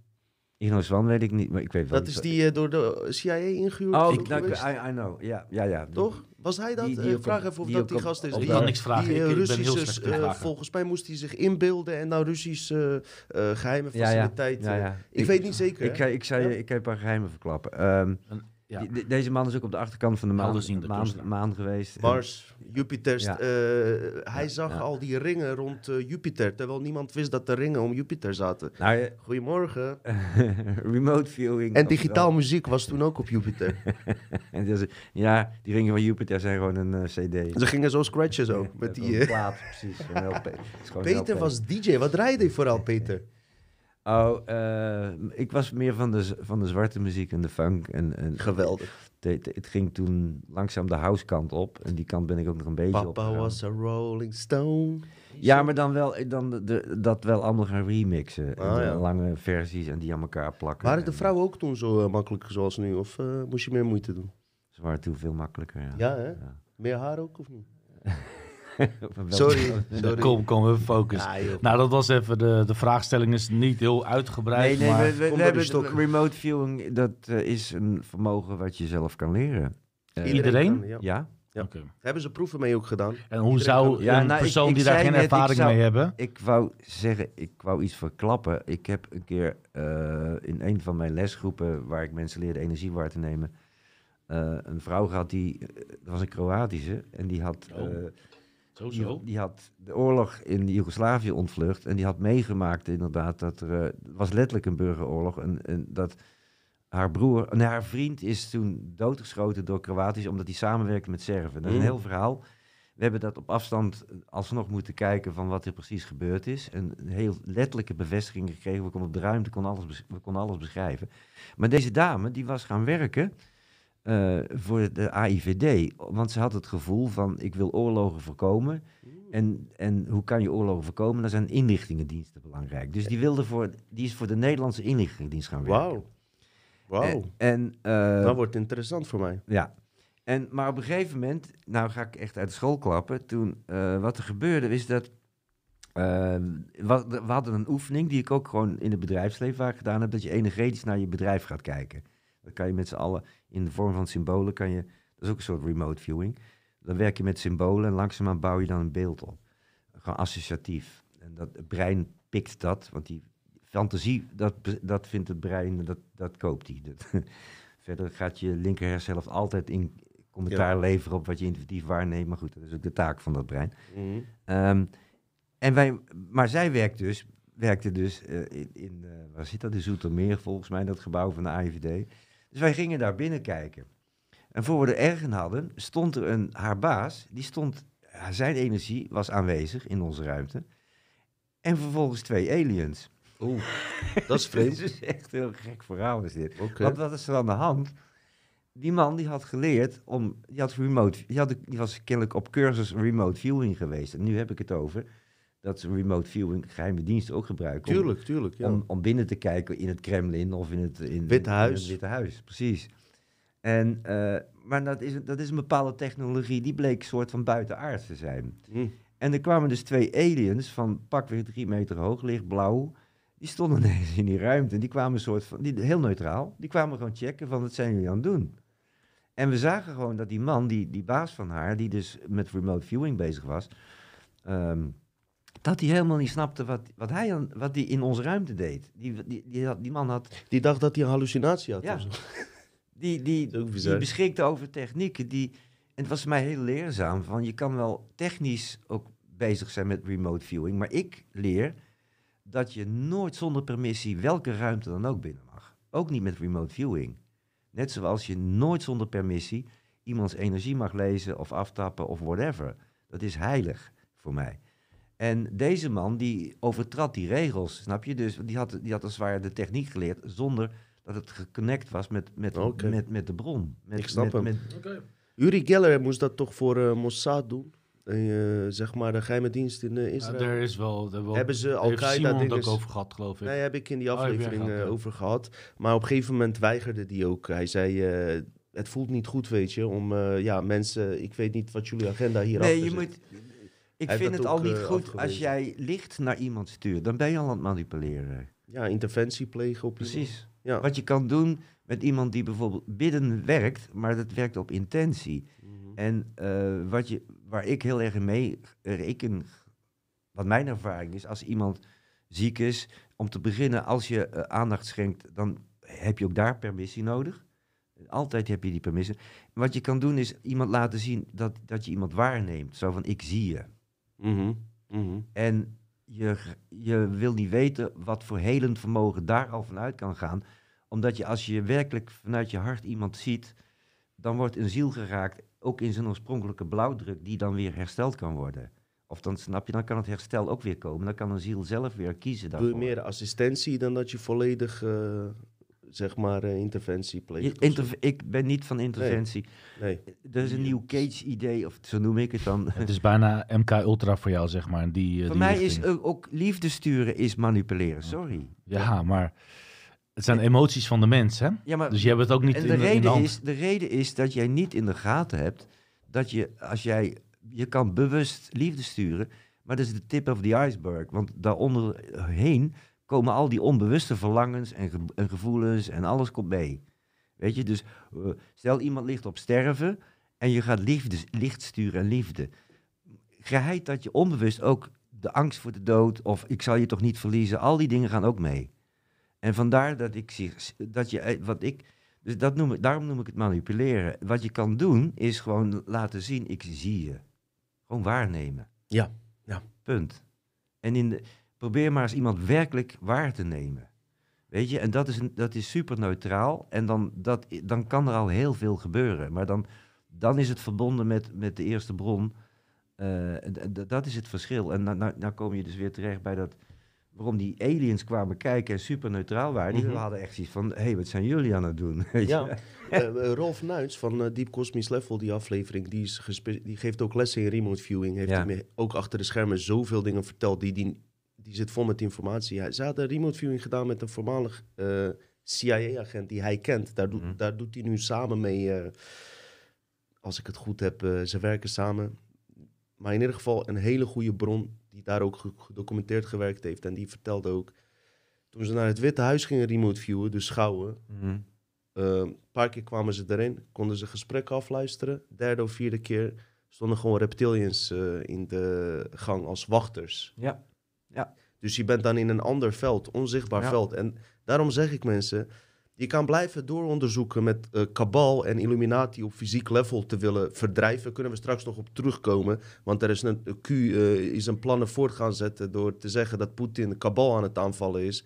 Kunnen we straks op ingaan. Maar die krachten, die onzichtbare krachten die, die in andere velden leven, zijn heel belangrijk. Zijn we nu... we- Ik heb nog twee vragen. En Ja. als we die twee vragen even doen, dan kunnen, we, ik- kunnen jullie daarna weer door. Heb ik nu die vraag van Esther, was het geloof ik? Dat- Ik heb ze al verwijderd, sorry. Dat, dat is mijn eh, manier van werken. Als ik een vraag heb beantwoord, dan verwijder ik Ja. hem zo dat ik het niet nog een keer kan stellen. Kom maar. Oké. Eh Hart, eh, vraag. Eh, Dino, Peter en Ersan, zo zo. Ego is onze grootste vijand. Is, is van de duivel een lage trilling waardoor we ver van het gevoel staan. Als ego verdwijnt, staan we dan dichter bij ons gevoel? Dat lijkt mij wel. Ja? Oké, nou, snel geantwoord. Paul Kreugel. Eh, ik heb een vraag voor Peter. Is- Soms is de vraag stellen hem, hem, hem, hem kunnen beantwoorden. Ja, ze wilt, ja ze, ze, maar ze wilt, ze wilt gewoon bevestiging Bevestiging. weten of jullie alle twee ook zo over denken.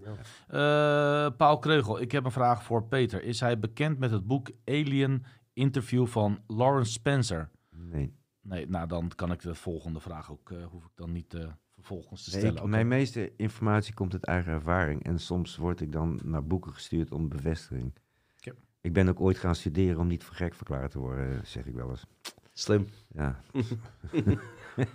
Wat heb je gestudeerd trouwens, eh, het Peter? bestaat niet meer, andragogie. Wat is ik, dat ik pas het nu toe. Het is de studie van hoe eh, mensen zich in groepen kunnen ontwikkelen en hoe, dat, hoe die groepen zich tot elkaar kunnen verhouden. Dus dat is precies wat we nu met die parallele samenleving Ja. mee bezig zijn. Misschien moest dat ook maar Ja. gebeuren. Ja. Ja, dus het- nu komt het allemaal weer bij elkaar bij mij. Zie je wel. Ja. Ken je de film eh, The Beautiful Mind? Ja.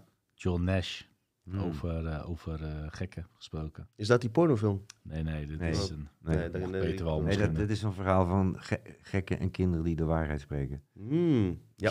Een prachtig film. Nee, dan eh, ben ik voor nu klaar voor de vragen. Ik zag dat ik heel veel vragen nog heb. Jongens, ik doe dit voor jullie. Hè. Ik heb gewoon een borrel, een feestje heb ik gewoon moeten missen. Mijn kaartje gekocht en die kaartje laten gaan. Alleen voor jullie, dat jullie het weten. Jullie horen het. Eh, aan. Ja. Tweede punt eh, waar we het over, of derde of vierde, vijfde punt, ik weet het niet meer. Maar eh, ja, weet je, we zitten nu ook in actuele zaken. En ehm, je hebt die eh, Oekraïne-dingen waar iedereen het over heeft. En ehm, ik heb het eerlijk gezegd niet echt gevolgd. Ik weet wel wat een grotere plan is, heb ik een globaal idee over. Dat is de plan die eigenlijk vanaf de Tweede Wereldoorlog al draait. Want toen Hitler dan zogenaamd verslagen was, ja, zijn er toch twee machten overgebleven. eh, Amerika en Rusland. En eh, we zitten in die piramidaal structuur. En iedereen wil aan de top zijn. En die macht blijft doorgaan. Ehm decennia's lang hebben ze ons voor gek gehouden. Maar we leven nu wel in een tijd dat zowel Amerikanen en Russen doorhebben... dat we door onze regeringen worden genaaid, heb ik het idee. Hoe is jouw visie nou op deze zeg maar, eh, situatie, deze nieuwe film... die direct na de COVID al is eh, geïntroduceerd, eh, zeg maar... zonder reclame, zonder iets, bam, ineens zitten we in een nieuwe film. Hoe heb je dit ervaren dan, Peter? Nou, waar ik vooral verbaasd over ben, is. ik, ik wist van de kracht van propaganda en dat bij iedere oorlog het eerste sneuvelt de waarheid is. En ik sta verbaasd over. Er is met. Eh, als het om COVID gaat, was er een heel eenzijdige propaganda dat we daar bang voor moesten zijn. En eh, dat we dus ge- ingeënt moesten worden, enzovoort, enzovoort. En nu is het heel eenzijdig dat eh, Poetin de boeman is. En even voor de helderheid, ik ben. ik keur die interventie van. de, die hele oorlog van, van Poetin niet goed. Echt niet. Ik ben, maar ik ben de inval in. in in Joegoslavië, in Irak eh, en Syrië he- heb ik ook nooit goedgekeurd. Nee. We zijn Ja. allemaal tegen oorlog. Laten we daar duidelijk over zijn. Wij praten hier o- over liefde, voordat mensen het verkeerd begrijpen. Maar dat zijn kennelijk mensen vergeten hoe we ook door leugens in een oorlog in Irak terecht zijn gekomen. Eh, en daar hoorden we ook niks over. En nu is, eh, ja, Poetin valt eh, eh, weet je, Oekraïne. Oekra- Oekraïne binnen en in één keer is hij de, de, de boeman. Ja. Terwijl, ja, eh, om- opnieuw, ik keur het niet goed. Nee. Maar, eh, en ik vind het vreselijk wat er gebeurt. Maar wat ik zie is dat Poetin al vanaf, eigenlijk vanaf 91 is de, de muur is gevallen in 89 volgens mij. En toen is, het, eh, het, is de Sovjet-Unie uit elkaar gevallen. Die NATO is er na de oorlog gekomen tegen de, de Sovjet-Unie. En dan dat de Sovjet-Unie niet, niet meer bestond, is die NATO gewoon doorgegaan. Die, En die is nog. Er zijn afspraken gemaakt eh, dat het niet zou oprukken, maar die zijn helemaal doorgegaan tot een. Ja, Jammer eigenlijk- dat ik die kaart niet heb, Peter. Ja. Ik had die kaartfoto Eh, had ik moeten laten Dus zien. de NATO. Hoe ver ze richting Rusland aan het gaan zijn. ik hè? zeg Ja, al, ik, ik, wil er ook wel op, op ingaan straks. ik, ik ben altijd meer bang geweest voor de NATO dan voor de Russen, sorry. De- bedoel, de- want omdat zij. ehm, eh, er- daar ging veel meer dreiging van uit. Ru- Als je de kaart van de wereld ziet, dan zie je dat Rusland aan alle kanten door Amerikaanse of NATO-schepen en troepen o- omsingeld is al, al heel lang. Mhm. Eh, en wat volgens mij eh, Poetin wil, ik kan niet in zijn hoofd kijken, is dat eh, Oekraïne gewoon weer een neutrale staat wordt. Ja. Een, een bufferstaat. Maar er valt in Oekraïne ook veel te halen. hè. Het is de, het is de graanschuur van, van Europa. Er zitten heel veel grondstoffen. De familie Biden heeft daar chemische fabrieken staan. Eh, er zijn heel veel. En het is een. Wat je niet moet vergeten. Wij Wat hebben foto's. we hebben, we hebben toen met een, een referendum nog de, de toetreding van de Oekraïne tot de EU tegengehouden. Omdat we wisten dat het een super, super corrupt land is. Mhm. Een- Een neef van mij heeft daar fabrieken staan, die is daar weggevlucht. Omdat hij gek werd van de corruptie. Mm. Eh, dus eh, die, die Oekraïners zijn ook geen lievertjes. Nee. Eh, eh, niet het volk, hè? Want dat Nee, is, het- nee, nee, dat maar is altijd het tragische. Ik Top. heb duizenden kilometers door Rusland gereisd. Ik ben gek op Russen. Maar dat wil niet zeggen dat ik hun politiek goedkeur. Snap je? Nou, Dus, ik, eh, ik, ik ga er zo meteen volledig op tegenin. Op, ik denk Oké. heel anders over.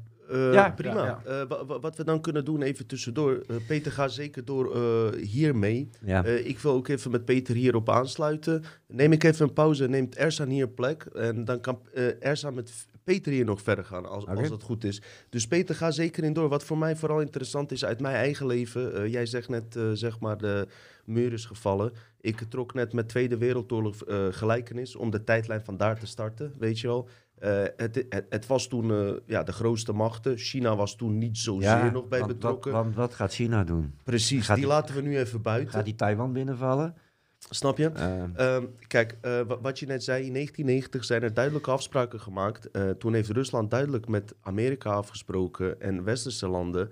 eh, wij laten bepaalde landen vrij, eigen staat zijn. Maar dan moeten jullie ook niet met jullie bemoeienis met de Europese Unie komen. Waarom niet? Niet omdat wij per se in die landen willen zitten. Maar wat de Europese Unie doet, en ik ben daar getuige geweest van toen Kroatië bij de Europese Unie inkwam. Wij, wij zitten heel dichtbij daar. Dus wat ze doen, ze maken die mensen, eh, die landen de Europese Unie, en vervolgens richten ze letterlijk hun raketten richting Rusland. Dat is dreiging. Dat vindt Rusland niet leuk, wat ook logisch is. Dat zouden ze bij ons ook niet leuk vinden. Tegelijkertijd zeg ik nu even heel neutraal dat ik tegen alle oorlogen ben. Ik sta niet achter Poetin, ik sta niet achter, eh, achter Westen, niks. Maar wat Peter net zegt, die Berlijnse muur was gevallen en daar ben ik, dat heb ik wel zelf meegemaakt, is dat Joegoslavië toen, eh, Tito heeft al die tijd zowel Russen als Amerikanen uitgespeeld, op zijn manier. Hij was overleden en toen zagen de Russen hun kansen, Amerikanen zagen hun kansen om Joegoslavië voor zich te winnen. Maar dat kon eerst door dat land eerst kapot te maken. Door eerst honderdduizenden mensen, zowel Serviërs, Kroaten als moslims, ja, zijn kapot gemaakt. Vrouwen en kinderen, ellendige dingen. Om wat? Om wat? Omdat één deel eventueel naar Rusland kon gaan en een ander deel naar Europa. Dat hele land is uit elkaar. mm, Nu, is, nu hebben ze hun zin. eh, Europese Unie, Kroatië is al Europese Unie in. Bosnië wil erin, maar kan niet, omdat er toch nog Serviërs daar ook wonen die dat niet willen. mm. Heel lastig verhaal, maar het zou ideaal voor Europa zijn om daar hun raketten te plaatsen richting Rusland. Lukt niet. Zou kunnen zijn dat ze Oekraïne daarvoor gebruiken. Niet te hebben over Joe Biden en zijn zoontje die allerlei deals en obligaties hebben gesloten. Ik weet niet of je dat een beetje hebt onderzocht, vast wel. Want eh, Hunter Biden kreeg 50.000 euro elke maand door een bepaalde belegging in die fucking olie en daar. Het speelt altijd om hetzelfde ding. Wat ik alleen wil zeggen, er zijn hier geen goede, er zijn hier geen kwade. En als je het mij vraagt van mijn optiek, ik kies geen enkele kant. Maar wat de media wel hier doet, is eh, Russen als de kwaadaardige zien. Hallo, eh, Simon vertelde me laatst, ehm, zeg ik dit even, alleen even snel tussendoor. Iemand eh, ging zeiken in Nederland. Jongeren waren eindelijk feest aan het vieren. Twee jaar lang alles dicht. Wat willen jongeren? Willen lekker feesten, toch? Gelijk hebben jullie jongens. Zijn ze aan het vieren? Komt er weer zo'n kutnormie die zegt... Ik, ik praat nu namens Simon, dus ik praat nu ook als Simon, oké? Komt er zo'n kutnormie die zegt... "Huh, hoe kunnen jullie nou feesten terwijl daar oorlog wordt gevoerd? Hey, heb je dat ook afgevraagd toen in Irak, eh, wat Peter zegt, 200.000 eh, kinderen, mannen en vrouwen werden afgemaakt? Vraag je dat nog steeds af, eh, wat er in Palestina elke dag nog steeds gebeurt met onschuldige moslims? Dat vraag je niet af. Je kan alleen denken wat je op die fucking tv hoort. Namens Simon, fuck jou. En namens mij ook. Kijk geen tv meer. En lees geen kranten meer. Dan is het ook weg. Ik vind het zo frappant weer, net als met die fucking COVID, hoe die mensen... Ja. Jinek zegt dit en ze apen het na dag later op werk. Weet je? Zonder Nou ja, wa- en wat- enige wat nu inbreng, gebeurt- niks. Wat nu gebeurt is dat de mensen die wappie genoemd werden, die, die, die dus het, het COVID-narratief in twijfel trokken en op het eind toch een beetje gelijk aan het krijgen waren. Eh, ik, zie, ik heb, er stond vandaag een artikel in het NRC en een paar dagen terug in de Telegraaf, waarin alweer journalisten bezig waren om te zien hoe, wat dan de wappies waren, zoals Willem Engel, dat die nu allemaal weer voor pro-Poetin zouden zijn. Alsof het gewoon doorschuift. Maar het is... eh, het is het punt voor mij is, opnieuw, derde keer, ik keur die inval eh, van Poetin in Oekraïne, zoals iedere oorlog en iedere, eh, hartstikke af. Maar eh, het, het kan nooit zo zijn dat alles eenzijdig aan één partij ligt. Waar Nee. twee vechten hebben twee schuld. Ehm, ik snap niet dat wij niet naar onszelf kijken daarin. Zeker. Dat, Ik ga jou daar wel wat over En toelichten. ik Oké. eh, stel meteen voor dat we Ersan eh, laten overvloeien. We doen meteen even een test. Straks komt een reclamebeeld tevoorschijn eh, als Ersan dat kan doen. En ik doe daar gewoon even een geluidscheck doorheen. En dan klinkt het zo professioneel. En we worden steeds beter. Oké. Ja, Peter, zit ik hier weer dan. Ja, oké. Jij denkt dat ik je dit keer wel ga laten uitspreken, zeker? ja, je hebt ooit die klacht gehad. Je, Ja, dat ga ik nu doen. Hey mensen, ja. ik ben nu live. Ik kan jullie vragen niet beantwoorden. Gelukkig hebben we eh, twee moderators in de, in de chatgroep. Hopelijk gaat het ook goed met eh, de anderen. Maar daar zijn we. Ja, we, eh, even twee, even checken, checken, checken. Ik ga even alleen even checken of het alles allemaal goed is. En alles zit er gewoon helemaal ah, aan. Ja, iedereen ziet mijn fresh haircut, dus het is gewoon helemaal goed. Ik ga niet meer op mijn laptop letten. Ik ga niet meer op, eh, op de vragen ook letten. We hebben net leuke vragen. Ik heb er net ook een eentje uitgeschreven. Maar over net wat je zei, hè? Dus 1991 zei je een beetje de, de val. Want wanneer was de val? 1987 of zo? Wanneer was de val? ook weer? 89. volgens mij. 89 was het, niet 87, 89. Eh, Rusland zat No- echt in een... November 89. Ja, Rusland zat in een, eh, in een diepe val. Eh, de, eh, eigenlijk was het een beetje zo dat in Oekraïne, toen in Oekraïne de, de Tsjernobyl-ramp gebeurde, dat kostte hun eigenlijk Dat zoveel geld. vooraf. Dat Ja. ging eraan vooraf. Ja. Eh, ze hadden eigenlijk zoveel geld verloren.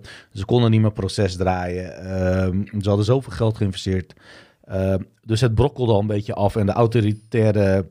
en de, de, de media kwam steeds meer op. Hè. Dus er kwam steeds meer eh, journalisme. En ook binnen de eh, Russische eh, wereld kon, was het ook gemakkelijker om radiosignalen toe, eh, te verzenden daar naartoe.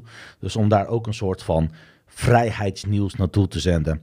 En toen het gevallen was in 1990 en zo, toen Poetin nog niet aan de, aan de macht kwam, want dat was eerst Gorbachev en daarna kwam Yeltsin. Mhm. Ehm, ik hou van geschiedenis, sorry. Dat ik, ik, vind dit stukje Ik leuk. ook. Ja, dus dat is wel mooi.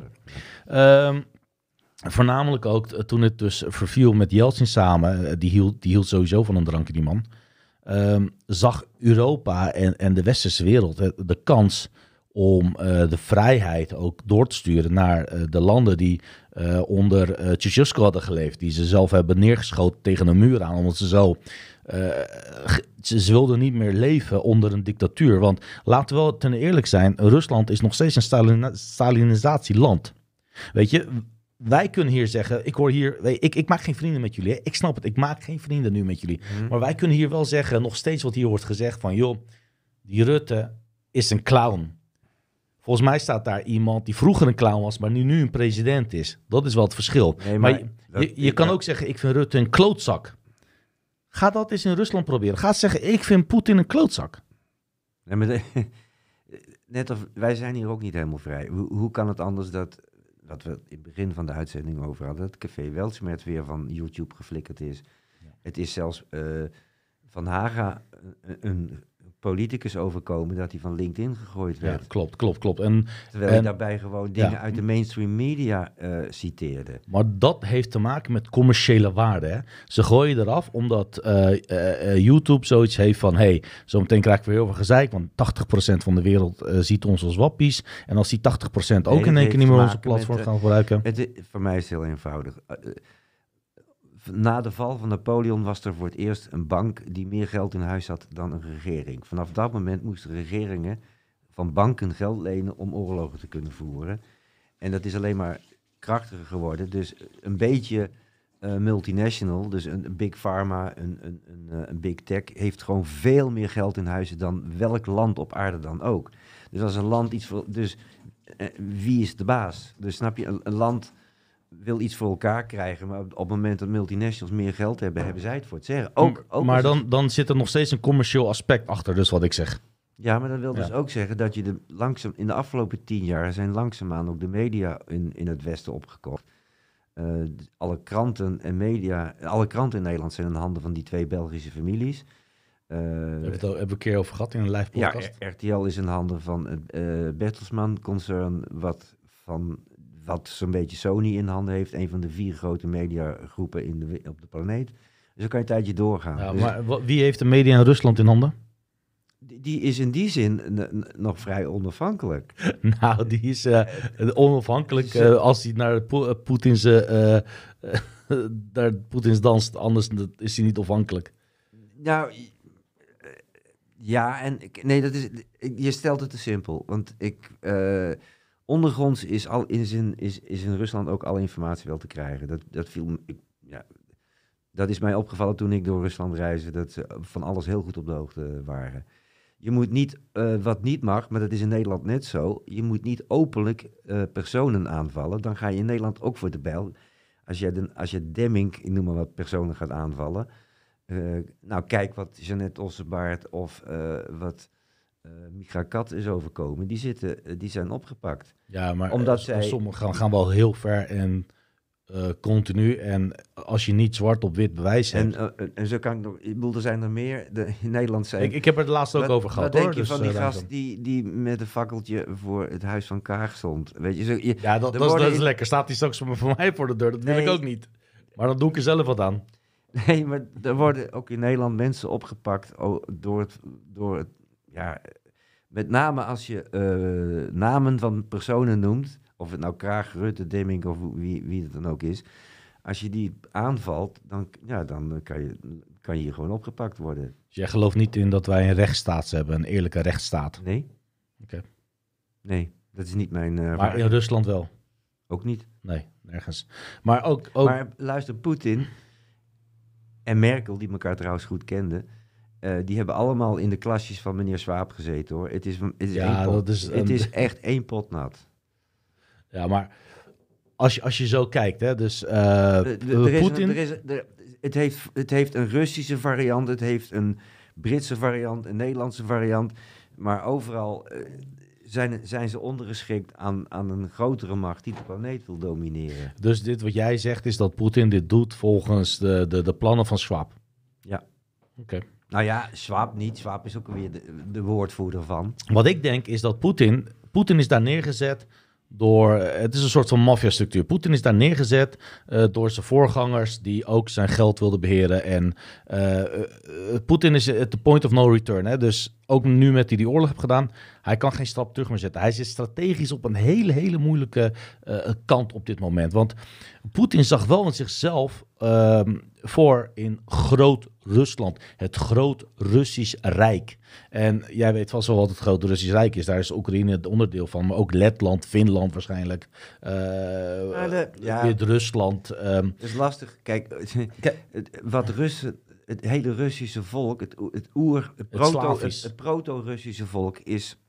Daarvan was eh, Kiev ooit, ooit de hoofdstad. Het was nog lang voordat Moskou bestond. dat was nog voor de slaven, ja. Ja. Dat, eh, er waren zelfs ook eh, ruitenrijders van Centraal-Azië, van de steppen. Die daar, zijn. want Tsjetsjenen die daar zitten, de, de moslimbroederschap Mhm. die daar zit. Maar die is ook helemaal geïndoctrineerd om mee te vechten tegen Oekraïne. Hè? Die jongens daar, dat echt eigenlijk broeders zijn van het Turkse volk, zijn volledig ingeprogrammeerd door Ja, maar de, de zittende Maar- president daar eh, om een tegen te vechten tegen de Oekraïners. Terwijl ze zelf jarenlang onder druk zijn en nu psychisch zijn aangepakt. Want het is 1984 gebeurt gewoon daar.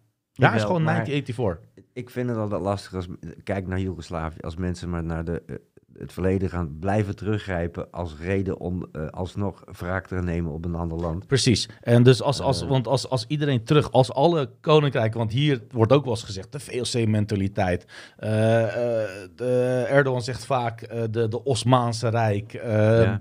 Eh, goed, als we allemaal moeten beginnen, weet je, dan, dan, dan beginnen de Mongoliërs, hebben we de Mongoolse Rijk, dan is de, hele, de, de halve wereld in beslag genomen. Dus als, als elke ideoloog eh, die nu aan de macht heeft, zijn eigen oude rijk wil terug wil hebben, jongens, dat gaat allemaal niet. Laten we niet naar het verleden Nee, kijken, ik- laten we naar de toekomst er kijken. is een, is gewoon een groter verhaal bezig. Want we kunnen, nu, we kunnen nu ruzie gaan maken met Poetin, maar intussen kan China de lachende derde worden. Ja, maar China die doet al de lachende derde voor eh, al tien jaar. Sinds tien jaar dat Amerika biljoenen insteekt in Afghanistan, loopt eh, China al biljoenen in te steken in infrastructuur en in nieuwe zijderoutes. Dus China doet dat al lang. China is daar al, Ja. al 50 jaar mee bezig. Ze hebben, na Mao hebben ze de opdracht gekregen, hou je bek en wees de liefste jongen van de klas. Totdat we de kans kunnen grijpen. En die kans kunnen grijpen. Maar geloof maar me, hele China Chi- is nu ook tegen, hè, tegen, tegen Oekraïne. Deze, Publiekelijk hebben ze zich onthouden. En wat, en wat denk je dan van Zwitserland? Altijd wereldwijd hebben ze altijd maar zijn ze ik, ik heb geweest. geen zin om zo'n Nee, oké, gesprek ja. over politiek te gaan beginnen. Oh, ja. dan, gaan, dan gaan we het sowieso Ah, ik, vind niet het, ik vind het wel leuk. Dit is precies wat we nu aan het uitspelen, dreigend te raken, is het spel van verdelen en heers. En dat is eh, waar ik het meeste van baal. eh, wat wij, ik heb geen zin in dit toneelstukje, Esra. Ja, ja, ja, jij vindt het Nee, maar voor mij... ga je- nee, dan is het. Dan, dan trap je erin. Want wat er gebeurt nu eh, met de inval van eh, Poetin in Oekraïne, is dat er weer een twee-partijen-verhaal bestaat. Dus het is weer voor en tegen Rusland zijn. Het is weer, het is weer mensen tegen elkaar uitspelen. Ja, ja, ja, ja, maar en, we... en de echte Rus en de echte Oekraïner, die, die, weet je, dat loopt zo door elkaar. Ja, die, houden maar heb ik, ik heb hier al voor al gezegd dat er... Die willen in- dit niet. Ik heb al voor gezegd in de vorige podcast dat er Oekraïners zijn die alleen maar Russisch spreken. Dat er Oekraïners zijn die zich Russisch voelen. ik, ik heb Russisch-Oekraïnse vrienden. Ja, ik, ik, heb, ik, heb, ik heb mijn collega heeft in eh dinges gestudeerd, in, eh in het Donetsk, in, in, in Donetsk gestudeerd. Ja? Mijn directe collega waar ik elke dag mee werk. Hmm. Dus ik ben, eh, mijn andere collega die komt uit Charkov. Ik ken mensen direct die daar zitten en geloof me, niemand is blij eh, met Poetin's acties. En we kunnen natuurlijk, ja, ik, ik wil dan misschien echt recht tegen de camera spreken en ook heel veel mensen, want ik heb het ook in de Dutch Matrix gehad, is ik, ik ben gewoon tegen die oorlog. Als je ziet dat er vacuumbommen wordt gebruikt, Dat is Tegen- allemaal weer de vraag. Je weet, Ja. bij, het eerste wat sneuvelt is de waarheid. Eh, zelfs op Nieuwsuur is al drie dagen geleden een, een item gepubliceerd waarin eh, aangetoond werd dat beide partijen eh, fake nieuws Ja, produceren. ja, ja. Maar wat ik ook heb gemerkt is dat Rusland bewust een fake nieuws produceert. Ja, Wat en het zogenaamd- Westen- en het Westen doet dat, dat doen ze allebei. Ga daar maar ja, van ja, ja, ja, ja, ja, ja, ja. Maar geloof me, in, in dit geval is er zoveel bewijs. Ik heb filmpjes gezien van eh vacuumbommen. Ik heb mensen gesproken die daar familie hebben. Dus ik zit direct met die mensen bij. En ik, ik keur ik, heb- het zeker ik zou niet snappen wat het belang van Poetin moet zijn om dat te doen als Ja. hij alleen maar eh, militaire objecten ik, wil ik, pakken. ik, ik wil het dan nog even alleen terug hebben over de Het kan- belangen. het- het zou- Nee, ik ga dan alleen even eventjes nog vijf minuten en daarna zeg ik Dino weer terug. En ik, eh, ik krijg hier geen... Ik weet, ik weet zeker dat ik echt heel veel mensen hier pis mee maak. Ik zit in de hol van de leeuw eh, om dit te zeggen, maar ik moet het wel even zeggen. En ehm, Poetin zit nu wel echt in het nauw. Hij kan geen kant meer op.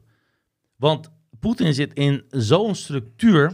Wat heb jij met Poetin, man? Wat, wat interesseert die kerel jou nou? Ah, dat interesseert me wel, want hij beslist op, of hij op die nucleaire knop drukt of niet. Dat, dat kan eh, Biden ook. Ja, maar Poetin zit er nu eh, eerder op. Dat zit er nu eerder op dan, eh, eh, dan Biden, ik eerlijk vrees gezegd. dat ik... Ik ben geen liefhebber van Biden, hè? Dat zeg ik je eerlijk. Ik zeg je, Biden van Biden. Ja. Van Biden. Van Biden. Eh, maar op het moment is, is, is een gedreven kat in het nauw maakt rare sprongen. En ehm, om oorlog te gaan voeren langs de- een van de grootste kerncentrales Ezra, ter wereld. i- we hebben het over zaken waar ik niets mee kan. Omdat nee, maar ze ik- voor ik mij heb het even- alleen, alleen maar, even tegen de ze kijker. bestaan alleen maar Ja. op de televisie Ja. en in de krant. Of ik krijg er economisch mee te maken. Dus ik moet me verhouden tot een, een, een propagandamachine van welke kant dan ook. En ik moet me verhouden straks tot ik, dat ik weet dat de, de metaalprijzen, de graanprijzen gaan stijgen. Want we hebben kennelijk besloten om eh, Rusland te gaan boycotten. En ik weet gewoon dat er ongelooflijk veel interconnecties tussen, tussen al die volkeren zijn. Want we zijn gewoon één planeet en dat wordt niet allemaal uit elkaar getrokken. En met die gevolgen heb ik te maken. En verder interesseert me niet met door welk poppetje dit gespeeld wordt. Want daar kan ik, heb ik geen invloed Nee, op. nee, nee, maar mij wel. Waarom? Ja, ik zit meer in een rationele level dan... eh, ik zie meer van... nee, voor, eh, mij wat- is het ook, ik, voor mij is het, zijn het hele logische keuzes die ik maak. Zo van, ik, ik probeer praktisch te zijn. Wat kan ik hiermee? Wat, ben je bang Ja. weet je, ik, ik ga wel... Ik, ga wel ik, Ik- ben ga- niet bang. ik- Ik, ik- ik, ik ga- ben niet bang, nee. Ben je bang dat hij echt die knop gaat indrukken? Ik, er is... Nee, er- ik ben niet bang. Maar er is ik wel ben een veel meer mogelijkheid bang dat hij voor op die een knop drukt. cyberoorlog dan voor een Maar niemand zegt dat ik bang ben, hè? dus laten we dat niet, want er komt zoveel miscommunicaties ook in die chat voor. Zo, zo klinkt Stel de niet, vraag. Maar goed. Even één vraag aan. Dat is, dat is jouw interpretatie van mij. En eh, dan, hoe jij dat denkt voor jezelf, is dat prima. Maar om daar een beslissing over te maken dat ik bang ben, dat is een foute keus. Maar even een vraagje. Nee. Is het logisch Ja. dat hij, eh, zeg maar, ehm, eh, dit zijn natuurlijk schaakspellen, hè, op high level. Is het logisch, is het echt relevant om te denken dat het echt gaat gebeuren? Dat roepen ze al, sinds dat de Ik- atoombom is ontstaan, roepen ze die dingen. Nee, nee, nee. Oké, het, het gaat er Ik even niet om. Ik zeg alleen, zijn. ik zeg alleen dat, dat, dat, 200 Dit, dollar. dat- dat- dit is allemaal... Je weet niet... ja, ik wist dat dit ging komen. Ik wist van jouw kant, maar ik hoe- kant ook. Maar ik, Nee, ik wist, ik Maar wat wil je hiermee? nee, ik wil het alleen even zeggen tegen de kijkers. Oké. Want ik zit, het Dat- was niet dat- tegenover dat jou gericht, we dit was tegenover We de hebben het een kijkers. geleden over ego gehad, weet je nog? Want ik kan niet, ik snap niet, ik snap je niet. Ik snap niet waarom je dit per se naar voren Omdat het wel kwesties is waar eh, mensen geïnteresseerd zijn. En ik zit in een Dutch Matrix groep app, Ja, eh, waar dit ook vaker komt. En ik was dan de enige die eh, deze argumenten opbrengt. En dit wil ik dan graag ook even toelichten in de camera. Oh, je mag van mij afwijken. Ja, dus, eh, nee, dat ik, ik, ik wijk niet af. Dit was even over... Het onderwerp ging over Oekraïne. Ja. En dit is mijn standpunt over Oekraïne. Ja, maar ik wil geen... In die zin... geen- Nee, het was ook niet tegenover jou. Ik wil alleen maar, als het over Oekraïne gaat, mijn verbazing uitspreken over eh, hoe ik waarneem, eh, hoe, krachtig propagandamachines werken. Ja, zeker. En, en snap je? En verder, het enige wat ik kan hier verder niks mee dan dat ik ga merken dat mensen tegen elkaar goed, uitgespeeld worden. en daar wordt niemand wijzer van. Althans, het volk wordt daar niet beter van. Niemand. De, de Russen niet, wij niet, de Oekraïners niet. Ehm, dus ik probeer het naar een hoger level te kijken van ja, eh, de, de, de- er wordt, we hebben corona kennelijk nu gehad, nu krijgen we dit weer. Wat, gaan we, wat is het volgende waar we bang voor mogen worden? Ik ga binnenkort, heb ik een hele leuke dame. Eh, die gaat over angsten en die heeft ook haar eigen eh, clinics over angsten. En die ga ik, wil ik binnenkort een, eh, wat angst dan met je doet. Daar wil ik een leuke podcast over maken. Ehm, maar ehm, het verhaal komt heel snel. Dus als ik zeg, die gast die kan die kernbom indrukken, dan is het gelijk van waar ben je bang voor dat gebeurt. Het gaat niet om bang zijn. Het gaat alleen maar om ehm, waar de wereld... Ik wilde alleen een stukje even toelichten, maar jij bent nu even de gast. Blijkbaar eh, vind je het erg als ik mijn mening even vertel tegenover de kijkers. Dat vind ik prima. Maar dan, waar zou je het wel willen hebben? Want mensen die wilden het wel graag hebben over eh, Oekraïne. Nou ja, ik, ik heb mijn zegje erover gezegd. Dat was het. Heb je nog iets anders leuks? Nou ja, het- we- wij hadden het over wingmakers. Ik, kijk, als het over Oekraïne gaat, ja, dat is gewoon nu actueel. En nogmaals, ik verbaas dat alles, ja, als het ware, omdat er een vijand is, alles weer eh, één kant op gaat. En dat, dat wantrouw ik altijd. Welke kant het ook op gaat, zo zit ik nou helemaal in elkaar. Van, ik geloof nooit dat, dat één partij al, al gelijk heeft. Dat, dat kan niet. Ehm, en opnieuw, ehm, dus ik, ik weet ook niet wat Poetin van plan is. Ik weet wel dat. We hebben niet voor niks ooit tegen de toetreding van Oekraïne gestemd. Want dat- dat land spoort ook niet helemaal. eh, Of die politiek van hun. Ja, Eh, Dat mag- wil niet zeggen dat je daarom dat land moet binnenvallen. Maar, want daar op honderdste keer, dat keur ik af. Weet je hoe ik het zie? Dan zal ik het even in een irrationele manier proberen te vertellen. Hoe ik het zie is als een, eh, een stel dat samen is en dat gaat in één keer scheiden. Dus dat ene stukje gaat in één keer scheiden van de partner af. Hm? Ehm, dat stukje dat gescheiden is, ehm, die gaat op zichzelf komen te staan. En in één keer doet hij of zij het in één keer beter dan de partner die eigenlijk niet ervan wilde scheiden. Ehm, later opgemerkt, dan gaat die eh, partner die denkt, die heeft eindelijk een beetje vrijheid, ook om ook een beetje stap. Want die heeft eerst een hele eh, eh, strenge partner gehad, om te zeggen van eigenlijk die alles bepaalde wat hij wel en niet mocht. En dit keer ehm, had die, die dat, dat ge- gescheiden man of vrouw of, of wat dan ook, eh, partner, die, die ging een, beetje flirten en die ging ook een beetje de vrijheid proeven. Wat wij denken dat vrijheid is. En voor zichzelf komen op te komen. En in één keer ziet die andere partner van, hé, hey, hey, hey, wacht even, ik, ik wil helemaal niet dat je dat doet. Ik vind helemaal niet leuk dat je je zo gedraagt. En eh, ik wil dat je eigenlijk bij mij blijft. En een beetje dan forceert om terug bij hem te blijven. Als ik het even dan heel in, irrationeel mag uitleggen. Ik snap, ja, oké, dan laat dan maar. Ik heb ik het, snap- ik heb het geprobeerd op een andere man. Op ik een andere man. Ik het ook niet. ver- vergelijking niet. Nee, oké. in dit nou, verhaal. Nou, oké, dan, ben ik, eh, dan ben, zijn we klaar over. weet niet de- eh, dan zijn we klaar over de. Inmi- inmiddels eh, Dino gebleven is. Maar We kunnen even, even kijken of er nog vragen zijn voor jou. Zijn er nog vragen voor Peter, mensen? Volgens mij hebben we nog wel genoeg vragen. Ehm, ik, ik krijg weer lekkere posts trouwens. Eh, mensen zijn weer helemaal blij dat ik eh, eh, tegen, tegen Poetin ben. Goed. ja, dat zijn de Ik- meeste mensen, dus dat is niet zo moeilijk. Nee, maar hier op de chat is het andersom. En bij ons is het ook andersom. Ik denk dat ik het eh, woord weer ga geven aan, eh, aan, aan Dino. Ik, ik, eh, twee seconden, ogenblikje.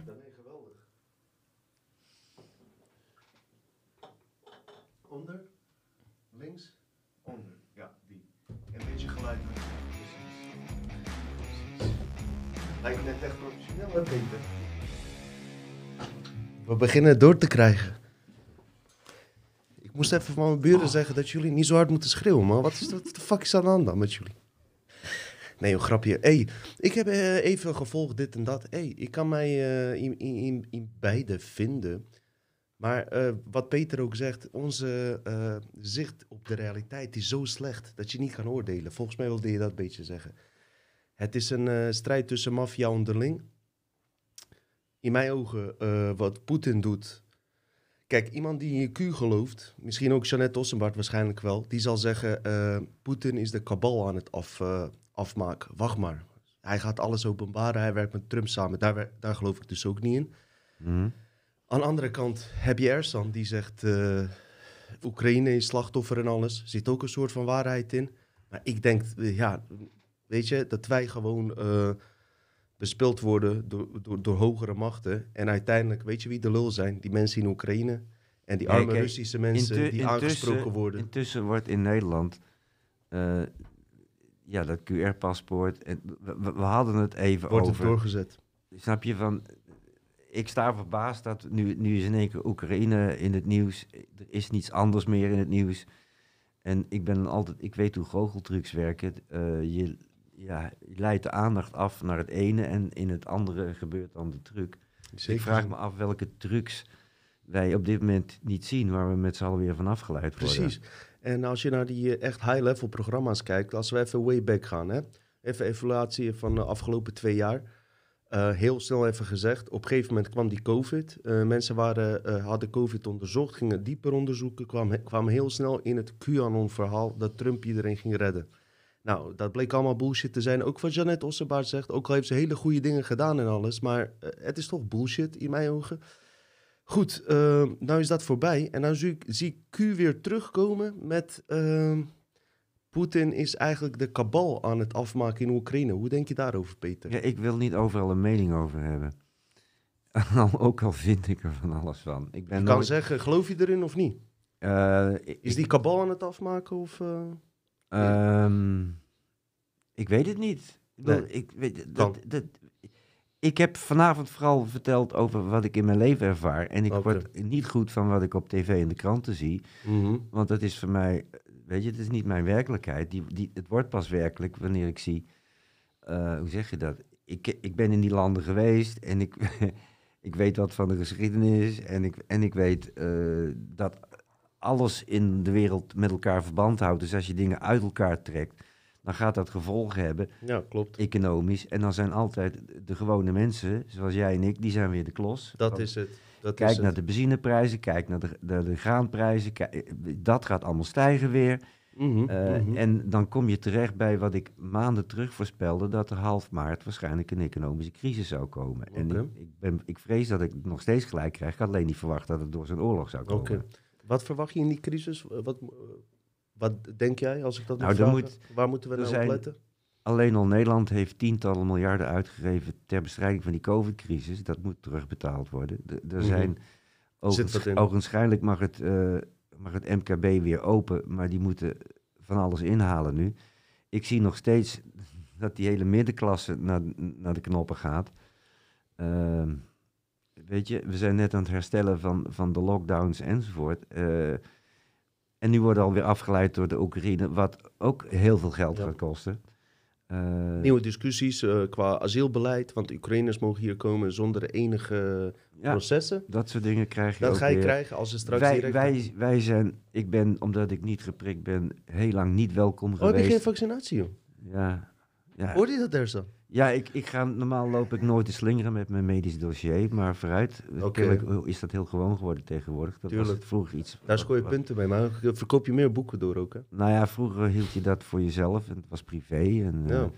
maar nu moet je dus gaan dat soort dingen gaan vertellen. Ja, wie je prikt, om- om- door wie je geprikt wordt. Je hebt tegenwoordig dus een paspoort nodig om naar de kroeg te kunnen. Vroeger had je het alleen maar nodig om naar een ander land te kunnen. Maar dat gaat ook nog steeds door. Intussen. Grenzen worden steeds smaller. Nou, ik bedoel, Zal ik even nog een lekkere eh, 84 in? nee, dankjewel. Nee, dankjewel. Ik, wil, ik neem water. Ik wel, ik hoef niet naar huis te rijden, weet je. Ja, ik wel. Al heb ik heel grote moeite straks om de trap op te gaan, moet ik zeggen. Maar gelukkig heb ik een goede vriendin die me opvangt, weet je. Ja, wees blij. Ja, en mijn zoontje die dan ook op moet staan. eh, ik ben een beetje zwaar, dan moet hij mee helpen. Nee, maar, grapje, ja. de, de- maar ik, ik wil me liefst gewoon bij mijn eigen onderwerp houden. Ik ga er ook vanuit dat ik daarvoor uitgenodigd word. Ik, ik, je kan als Nederlander, of, of Ik weet het, iedereen Peter. die een microfoon onder zijn neus krijgt, die moet kennelijk overal een mening over Ik hebben. weet het. Weet je, Peter, eh, ehm, we zouden het ook over Oekraïne hebben. Dus vandaar. Jawel, En- nee, maar gewoon meer, meer als eh, verschijnsel wil ik het beschouwen. zo van, hé, hey, wat, gebeurt er nou weer? Kijk, we hebben allemaal eigen visies. Zonder En- oordeel over, over, over Biden of Poetin is het gewoon, frappeert het mij hoe, eh, hoe er een soort ja, pro- propaganda-machine 2.0 in één keer Zeker. aangegaan is. En weet je waarom ik handig vind dat Ersan er altijd is? Jij en ik hebben over het algemeen 90% een beetje dezelfde mening, toch? En eh, mensen die kijken. En Ersan heeft een mening die misschien voor mensen die kijken afwijkt. Maar je moet niet vergeten dat wat hij net zei, dat daar 90% van de gewone mensen, verstaan me dat- niet verkeerd, ik. daarachter staan. en daarom is het denk ik goed ook dat hij die dingen benoemt. Ja, maar Snap je? Ja. En ehm, jij zei zelf ook, we gaan het over Oekraïne en zo hebben. Dan is het juist goed ook, weet je, dat er dit soort gesprekken worden gevoerd in, eh, vanuit, vanuit verschillende optieken. Dus ik heb net hier eh, met mijn drankje eh, heel leuk naar jullie lopen kijken, man. Ik, ik vond het een superleuk gesprek. Dus ik vind het wel goed dat, dat die beide kanten zijn verhoord. Maar jij bent ook met mij van mening, daar zijn we zeker mee eens, dat er gewoon spel onderling wordt uitgespeeld. Hier zijn geen good guys of bad guys. Dus wat dat betreft, Ersan, denk ik ook wel dat je... Wij hebben niet de overzicht om, om te oordelen wie goed of slecht is. Het is gewoon heel lastig. Het is wel heel lastig daarin. Maar ik vind het wel mooi dat jij je stem hebt laten horen. Ja, zeker. En dan ga ik ook niet... En dat heb je eh, ook heel goed onderbouwd. Dus eh, dat moeten we ook vooral doen, weet je. Anders kreeg je ook een, eenzijdige gesprekken. En ik heb met Ersan ook zoveel discussies gehad, eh, Peter. Vertel mij wat. Maar dat is juist goed. Want wij klagen altijd, zeg maar... ehm, op de mainstream tv hoor je eenzijdige mening. Maar eigenlijk op alternatieve media loopt iedereen ook met elkaar maar mee te lopen. Toch? Laten we eerlijk zijn. Niemand zal eens een keer even bam met iets anders komen. Er is nooit echt een discussie geweest. En deze man heeft daar wel voor gezorgd. Dus dat is goed. Ehm, wat ik ook zelf denk, is dat eh, we ook moeten waken voor dat eh, idee dat je nu een eh, complot gaat verzinnen dat Poetin eh, de wereld aan het redden is door kabal af te maken. Nee, maar nee. Niet dat jij dat zegt, Nee, maar de- de- de daar wereld- moeten we wel op waken. Wordt, ook, wordt nog door Trump, nog door Poetin, nog door Biden. eh, komen we toch op die wingmakers uit. Wij moeten het zelf doen, hè? sorry, dat is... ehm, Mee eens, man. We moeten het... ik eh, was... Snap je? Ja, je kan een stellingname hebben eh, van dat je voor die of tegen die bent. Ik heb mijn voorkeuren, jawel. mhm. Tuurlijk, mag ook. Maar ik laat mijn leven niet afhangen, nog van Poetin, Trump, Biden of wie, wie heb je allemaal? Rutte, wie is het? Dat is het ook. Het zijn mensen die ik niet persoonlijk ken, die, die mij gaan vertellen hoe ik moet leven. Sorry. Precies.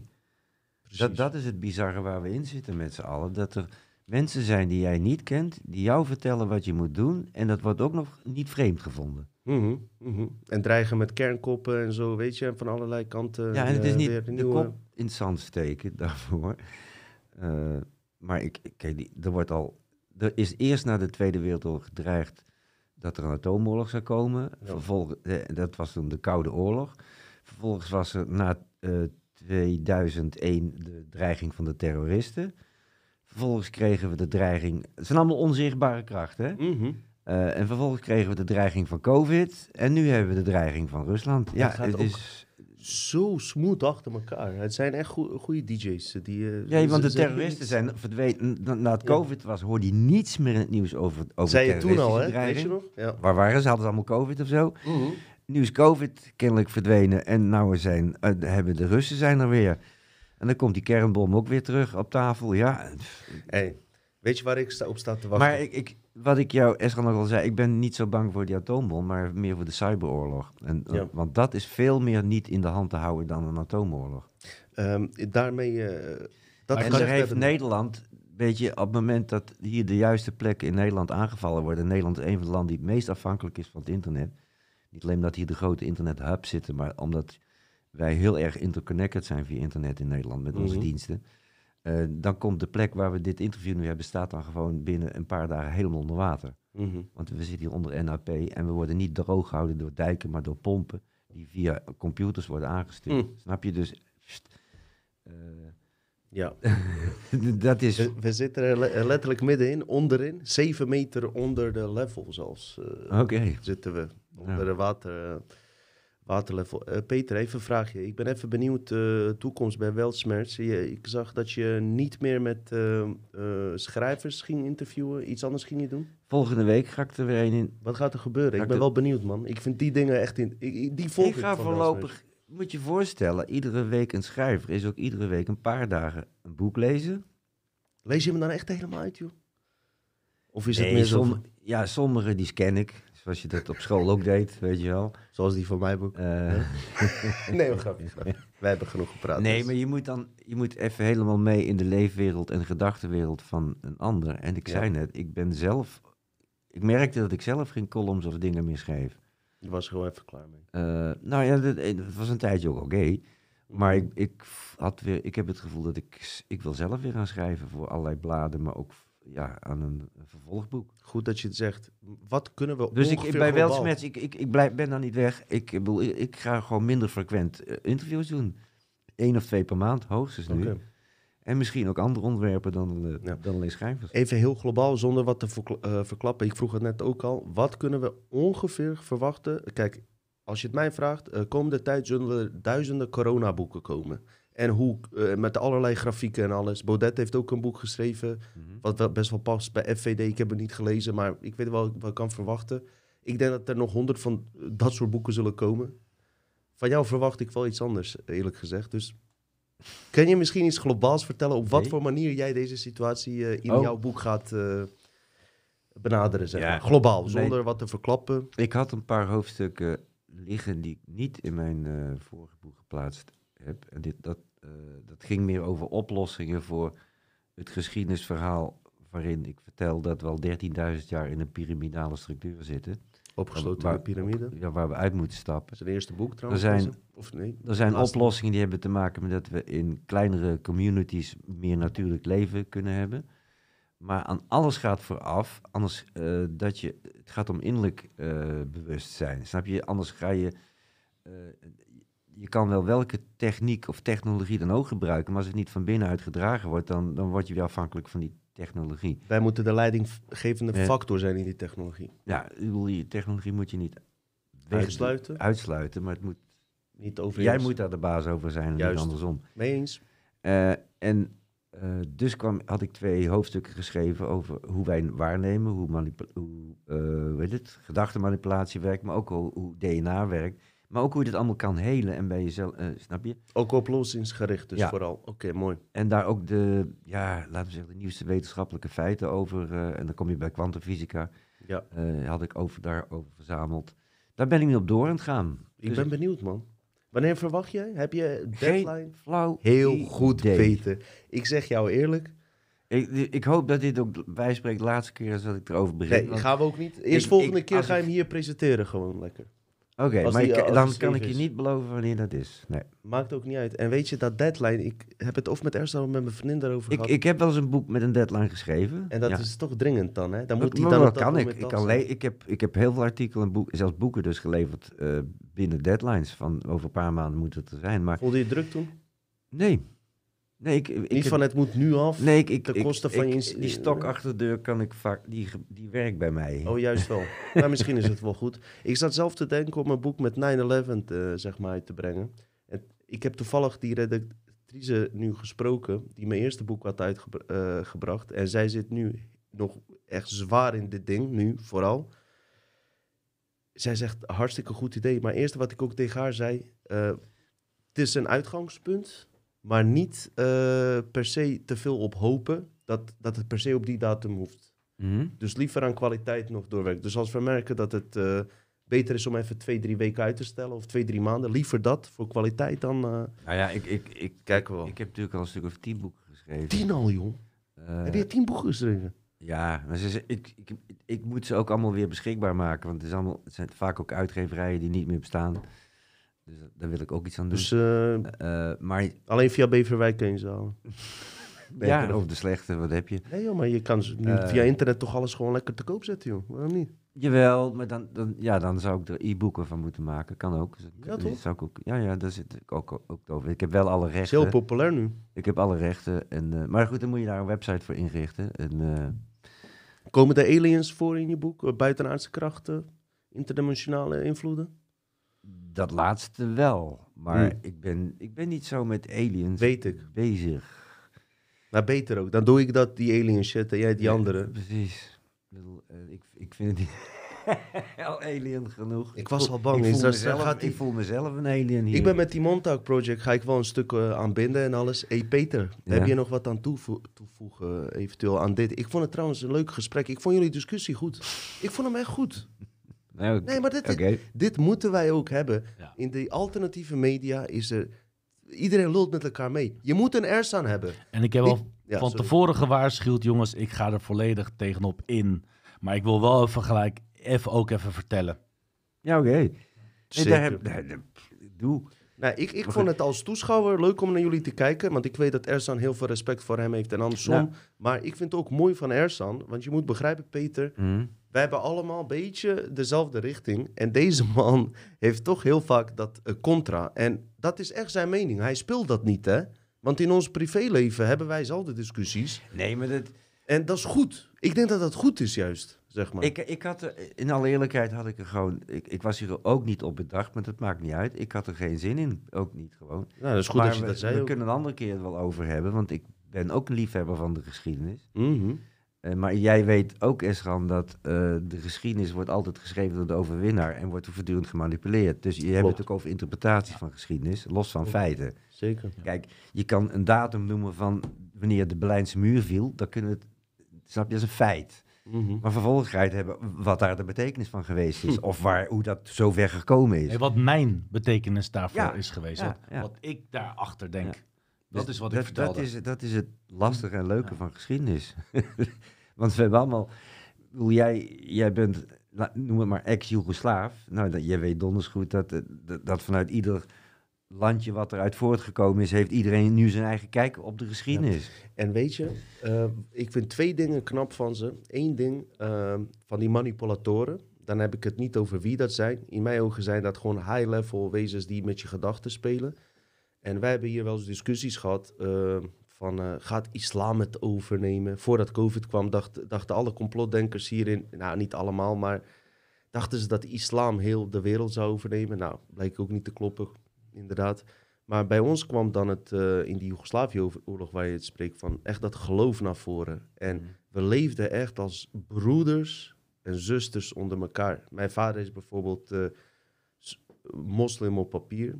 Eh, mijn moeder is Kroaat. Ze trouwden gewoon samen. Er was niks aan de hand. Ja, dus katholiek. En ja. katholiek. En ik vind het knap. Ja.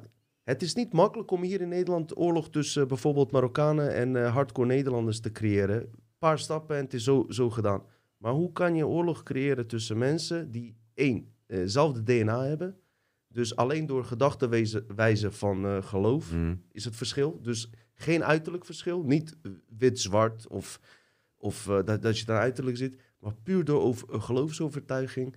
Dat ze gewoon zo ver kwamen dat een buurman die gewoon naar alle verjaardagen is geweest. En naar bruiloften en alles. Mm. Oorlog komt en hij maakt gewoon zijn hele familie af van de buurman. Heb ik een voorbeeld. Mm. Mijn uitgangspunt in mijn levensonderzoek is... hoe kan jouw gedachte zo worden beheerst... dat je zo ver komt om zo'n daad te plegen? Want het is niet iets Ja, ja, maar dat, dat is... Want daarvoor was je wel een mens. Daarvoor heb je wel gefeest met Ja, die maar mensen. dat... Je, je hebt eh, lief en leed geleid. Ja, maar luister. Wat is er in je hoofd Dit, gebeurd? we hebben hier, ik heb ook maandenlang gebroken met mijn. We hebben elkaar niet uitgemoord, maar door het hele COVID-verhaal zijn ook families uit elkaar getrokken. Ja? Ja? Eh, en dat lijkt nu weer bij elkaar te komen. En dan krijgen we dit weer. Nu zijn we, nu zijn ook weer, kunnen mensen daar weer oneens zijn. Maar los daarvan, inderdaad, je zal maar in de Oekraïne leven. Want daar, in feite vindt daar een soort burgeroorlog weer plaats. Dus daar heb je ook weer familieleden die, ja, die met elkaar verbonden waren. En nu standpunten in moeten nemen en tegenover elkaar komen staan. D- Dat, dat is wat met. En mannen die, en jongens die losgerukt worden van hun gezin omdat ze moeten vechten. Of weet je, die dingen gebeuren. Dus mensen worden weer uit elkaar getrokken. Kunnen we met z'n drie eens zijn dat we tegen alle oorlogen zijn, waar dan ook? En dat we gewoon eh, eh, meeleven, zowel met Oekraïense eh, mensen, en maar ook met Russische mensen, die ook tegen oorlog kan, zijn. je kan ook en- de mooie verhalen pakken. Ik, ik volg al heel lang, ik ben zijn naam kwijt, een, een vlog van een Brit die heel goed Russisch spreekt, maar ook Pools en al jaren. En die reist door Rusland en de Oekraïne. En die, heeft, die was in Kiev toen, de, hè, toen het aangevallen werd. Dus die, ik heb zijn verslag ook gevolgd. Mhm. En dan zie je eh, hoe, ja, hoe eh, ik noem maar wat, Hongaarse mensen, maar Poolse mensen eh, vluchtelingen opvangen. weet je, je ziet ook, en hoe er gewoon op die stations, gewoon waar ze in, in de rij moeten staan of voor een, voor een laatste ticket, gewoon heel, dat allemaal vreedzaam met elkaar oplossen. Ze helpen elkaar. Ja. Weet Ja. je, dus er zijn, er zijn, ik heb nergens paniek en ruzie en Nee, gedonder ja. op, die, op die snelwegen gezien of in die stations. Ik heb er heel veel films nu van gezien. Dus onderling komen ze er wel uit weer. Ja. Dat is het. Dus het lijkt bijna een soort verbroedering weer. Eh, Ne- Net als dat een, eh, mijn Palestijnse eh, automonteur vertelt mij gewoon dat er in Palestina gewoon de normaalste zaak van de wereld is. Dat de Palestijnen trouwen met Joden. Ik zeg nee, dat lul je nou. Dat gebeurt. In Ja. Palestina trouwen dus Joden met. ja, je zal maar, De islamieten. je zal maar verliefd worden Ik zeg- Ja. Even serieus, meen je dat nou echt? Hij zegt, vriend, dat is gewoonste zaak van de wereld. Nou, daar hebben wij godverdomme toch wel een hele vreemde inzicht hier. Maar goed, ik, Maar- ik, wil, ik wil het, als je het over de toekomst hebt. Ik, Ja, hoe zie jij het, eh, komende jaar? Dit Oekraïne-verhaal houdt ook op, maar legt weer allerlei. Komt die eh, COVID, Het- denk wat terug? gebeurt is dat we in een tijd leven waarin eh, alle machtsstructuren naar boven komen. Dus ook weer deze, want dit lag, dit, deze spanning tussen, laten we zeggen, eh, Rusland en het Westen was er ook al heel lang. Nou, die wordt nu ook uitgespeeld. Met alle, alle shit en alles onwaarheid en die daar weer achter ligt en alle machtsstructuren Mhm. die dat bloot gaat leggen. Ehm, dat gaat ook allemaal naar boven komen. Wat de rol van China gaat worden in de wereld. Ik ben zelf meer bezig nog steeds met eh, het opzetten van wat, wat Oplossingsgericht. de parallele Ja. samenleving, dus wat we lokaal zelf kunnen doen. Want Gewoon ook als die economie gaat insodemieteren, zullen we elkaar nodig hebben. Eh, snap je? Dus ik ben ook probeer ook te kijken of we een lokale eigen munt kunnen invoeren. Ik ga sowieso eigen wiet kweken voortaan. Nou ja, bijvoorbeeld, je doet, wat je, rotte- je doet wat je zelf kunt. Hé, niet doorvertellen trouwens, hè? Dus daar, daar ben ik mee bezig. En met proberen mensen bewust te maken van eh, hoe je niet gemanipuleerd kunt worden. En bij je eigen waarheid en je eigen liefde kunt komen. Mm. Eh, dat zijn de dingen waar ik me op richt. En, Ik, ja, ik, ik, hoop en echt, eh, ja. ja, We hebben nog vijf minuten, mensen. Ja, Ersan en- heeft eh, nog eh, afspraken. En hoe dat, hoe, Businessman, hoe dat hè? verder gaat, I, I don't know. Je mag Hij moet daar- vijf je kilo naar Frankfurt brengen. Oké. Oh, sorry, eh, dus even andere daar mag je me, Sorry, daar mag je me voor uitnodigen voor, voor lezingen en workshops. Want, Waar Frankfurt? Daar wil je niet komen. Nee, ik, ik was, ik was... Dat zijn onze Onder- underground zaken. Ja, oké. Nee, Peter, daar wil ik je niet mee. Wel een mooi t-shirt aan, Peter. Ja, ik heb deze maar genomen. Wat staat er precies? Ja. Kun je even oplezen, Ersan? Ja, deze is van, eh, van John Lennon. You may be, you may say I'm a dreamer, but I'm not the only one. Ik heb altijd het idee dat, eh, zeg maar, eh, Peter ik- eh, bij vrouwen goed in de smaak valt. En hij draait goed mee, die jongen. Hij draait echt goed mee. Hij draait Ik- goed mee. Allemaal vragen van vrouwen. Normaal eh, gesproken hebben we dat niet. Volgens mij heb jij best wel veel chance en zo, Peter. Hoe ga je daarmee om dan? Hoe ga ik daarmee om? Nou, ik, ik heb het liever over zijn over t-shirt, als we daarop kunnen terugkomen. Ja, maar ja, dat, ja, dat, heb ik, dat is een soort anti-oorlogs t-shirt. Zo moet je het maar zien. Van die tijd van toen, hè? Want, want voor mij is John Lennon ook degene van, weet je, Imagine, daar gaat dit over. Mhm. Ja, dan heb je het ook There's, There Are No Borders, weet je wel. Eh, want die zijn ook allemaal kunstmatig. Die hebben ook maar gewoon, zijn ook maar lijntjes in het zand die we getrokken hebben. Mhm. En eh, het is ook van, eh, ja, give peace a chance.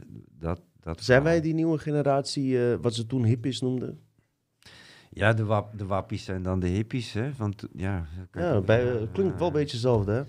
Zullen we daarmee afsluiten? Ja, maar eh, ook een vraagje of de mensen nog wel een beetje van mij houden. Van jou houden. Van mij houden, ook op de chat. Natuurlijk houden ze van jou. Ja. Luister Man, eens even man, één man. ding. Luister even één ding. Eh, Erzan is leider van ehm zo en zo van de Telegram groep. Eh, zo en zo van eh, geheime Erdoganse groep, Turkse afdelingen waar we niet over mogen praten. Maar dat komt ooit. nee, een grapje.